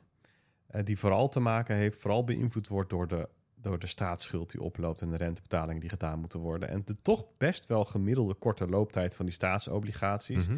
Naarmate dit aanhoudt jarenlang, deze situatie, hoe groter de kans, hoe dichter bij die muur komt. Eh, en ook in eh, scenario Lin Elden komt uiteindelijk ook gewoon tegen die muur aan. Eh, en, en dan hebben we het niet over een land met een beperkt GDP of zo. Dan hebben we het over de VS. Of all countries, maar de, weet je de wel. VS kan nooit failliet, hè? Maar de, de, ik bedoel, het, wat is het effect van het bereiken, dichterbij komen van die muur? Komen we dan in, een, in, in Ja. hyperinflatieachtige toe- toestanden terecht? Wat voor, wat voor ge- gevolgen gaat dat dan hebben? En, en, en, en, en is Bitcoin dan een optie om jezelf daar te- tegen te beschermen, ja of nee? Nou, misschien zijn dit niet, is dit niet het moment om hier ook nog op in te gaan. Nou, het, kan, wel kort even kijken. Op het moment dat de, inflatie wat hoger is en de rente is ook wat hoger en de economie groeit ook met diezelfde snelheid, dan verandert er dus niks aan de verhouding tussen de schuld en de omvang van de economie. En dus dus je, je, je kunt best, je kunt deze, deze schuld best met elkaar hanteren als je, dat noemen ze dan financial repression, hè, dat je de inflatie wat hoger houdt en de rente bewust. Dus dat eh, op zichzelf, laat ik zo zeggen. Ehm, ja, ik ben het met je eens. Op termijn is de, is de hoge schuld onhoudbaar. Alleen die termijn is niet één of twee jaar. En dat is vaak het scenario wat een beetje boven ons hoofden wordt gebungeld. Van joh, je rijdt 100 en de muur is 30 centimeter van je af. Ja, dan is het vervelend. En dan, en dan ja, dus je hebt een airbag nodig, een parachute en dat is bitcoin. Ik denk, ja, dat is veel te kort door de bocht. Eh, het crash, de- deze crash kan zo 30 jaar duren. 20, Weet je, en dat hangt er, dat kan versneld worden. Hè? Dus op het moment dat je bijvoorbeeld eh, geopolitieke verschuivingen ziet en de, de, de, de, de ehm, hegemonie van de dollar die neemt af, hè, of de belangrijkheid in de wereld, dan, kan, dan wordt het voor Amerika ook lastiger. En dan zou het kunnen zijn dat je misschien over 10 of 15 jaar. Maar dit is niet een proces van, van ah ja, volgend jaar dan eh, is het afgelopen of zo. Nee, oké, maar dat is ook niet, denk ik, het scenario dat ik voor je hield. Zeg maar dat het volgend jaar al zou zijn. Of Nee, maar dat is, wel, dat is wel de termijn, de komende twee, drie jaar. Dus de termijn waarop je iets zinnigs kan zeggen over Bitcoin. Nou, dat is wel waar. Hè, Maar, ik bedoel, ja. ja. ja, over 30 gaat in, die term- gaat in die periode van 20 jaar, laten we even 20 jaar zeggen, gaat bit, wat gaat Bitcoin daar doen? Ja, dan zijn andere krachten veel sterker dan Maar ik dit ben- proces. Ik, ik zat van de week, eh, kwam ik op Twitter het, eh, het blauwe boekje van de overheid tegen. Dat is een soort van verzameling grafieken over die allemaal, die, ja, die normaal het nieuws niet halen of zo. En dan eh, hier, het is eigenlijk gewoon een verzameling grafieken, weinig tekst, veel plaatjes. Op zich eh, precies in mijn straatje wat dat betreft. Maar daar zeggen ze dus ook inderdaad veel. We gaan, nou ja, toch van, laten we zeggen, pak een beetje onder de 2% eh rentelasten. Als percentage van het BB, BBP gaan we naar. Ehm, nee, sorry. Renteuitgaven in miljarden euro's gaan we van 5 naar 15 of zo. En dan heb je het over een periode Ja. van drie en, jaar. en dan heb je het over Nederland. En Nederland heeft maar 50% Precies, en Nederland, eh, dat zeggen ze ook in, Ja. de, in de andere grafieken, staat er nog best wel goed voor. Ik heb Ja. ook die gestoorde US dollar debt clock.org er even bij gepakt. Ja, die zit al op eh 125% eh, debt to GDP ratio. Dus ik, ik heb wel een beetje hetzelfde gevoel als Peet van ja, dit... Ja, wie weet kunnen we het nog wel een recessie verder tillen. Maar we, we- we stormen nog wel uiteindelijk die richting. Ja, eh, dus op een gegeven moment zal deze schuld ge- ehm, ehm, op een of andere manier zou die moeten mo- weg moeten. Dat het moet, ja, ehm, ja, hoe zeg je dat? Het moet op een of andere manier zo hervormd worden dat die schuld er daarna niet meer is. En dat Ja. kan op allerlei manieren. En dat kan op en vooral vervelende manieren overigens. Maar ja, dat- Klopt, ja, het neemt steeds absurdere proporties Ja, aan. precies, en dat is ja. inderdaad niet een, een moment of zo, dat, dat je de economie rijdt en dan staat hij ineens stil of zo. Maar, maar het wordt gewoon steeds absurder. Ja. Tot, eh, en, en de vraag is, hoe ga je dat voelen? Op welke manier? En wanneer wordt dat der, dermate absurd dat het gewoon... Ik denk dat Michael Saylor hem gewoon in één keer afbetaalt. ja. Zo. Ja, gewoon prima, weet je wel. Ik heb nu voor 80 triljard aan bitcoin hier staan. Ik betaal al die schulden af en eh, we gaan door. Ja, dan, dan, ga je van de ene absurde situatie de Ja, andere in, ben ik bang. Even kijken, Bert, ehm, moeten we nog wat... ehm, ik, ik, zie- ja, ja, is er nog, is er nog een, een punt wat we in de marktupdate even mee moeten nemen? Zeg jij van, joh... Nee, eh, ik had nog, nog een paar andere dingen, maar die laten we gewoon eh, voor een andere keer, denk ik. Dat is prima. Toch, Peter? Of eh, heb jij nog... eh, Lijkt me goed. We Ja, weer deze loopt iets voor. rond de anderhalf uur. eh, hè? Ja, weet je, het is dat ik ingreep aan het begin. Anders hadden we helemaal... eh, nee, maar ja, soms, soms heb je gewoon weken, dan is er veel te bespreken. Daar moeten we ook een beetje van genieten, denk ik. Weet je, maken we wel weer goed in de bearmarkt als er niks te vertellen is. Eh, jongens, ehm, dank voor jullie aanwezigheid en goede verhalen, informatie enzovoort. Vind je de podcast leuk? Ehm, ja, ik zou bijna willen zeggen, join ons Telegram. Telegram. Telegram. Telegram. Ja, Discord, Telegram. de Telegram channel. Een grooming channel. Join onze grooming channel. Nee, ehm, eh, join ook onze Discord. Eh, dat kan dus op www.bitcoinalpha.nl slash Discord. Eh, het is helemaal gratis. Kan je allemaal vragen stellen. Ehm, dan kan je ook, ben je direct lid, kan je het verhaal over UTXO management lezen. Zodat je niet tegen allemaal le- vervelende verrassingen aanloopt als de fees nog verder gaan stijgen. Ehm, en onze Telegram groep kan je dus vinden op satoshiradio.nl. Jongens, dank. Jullie allemaal bedankt voor het luisteren. En we zien jullie volgende week weer. Mai, kun jij eens even op die gele knop drukken eerst?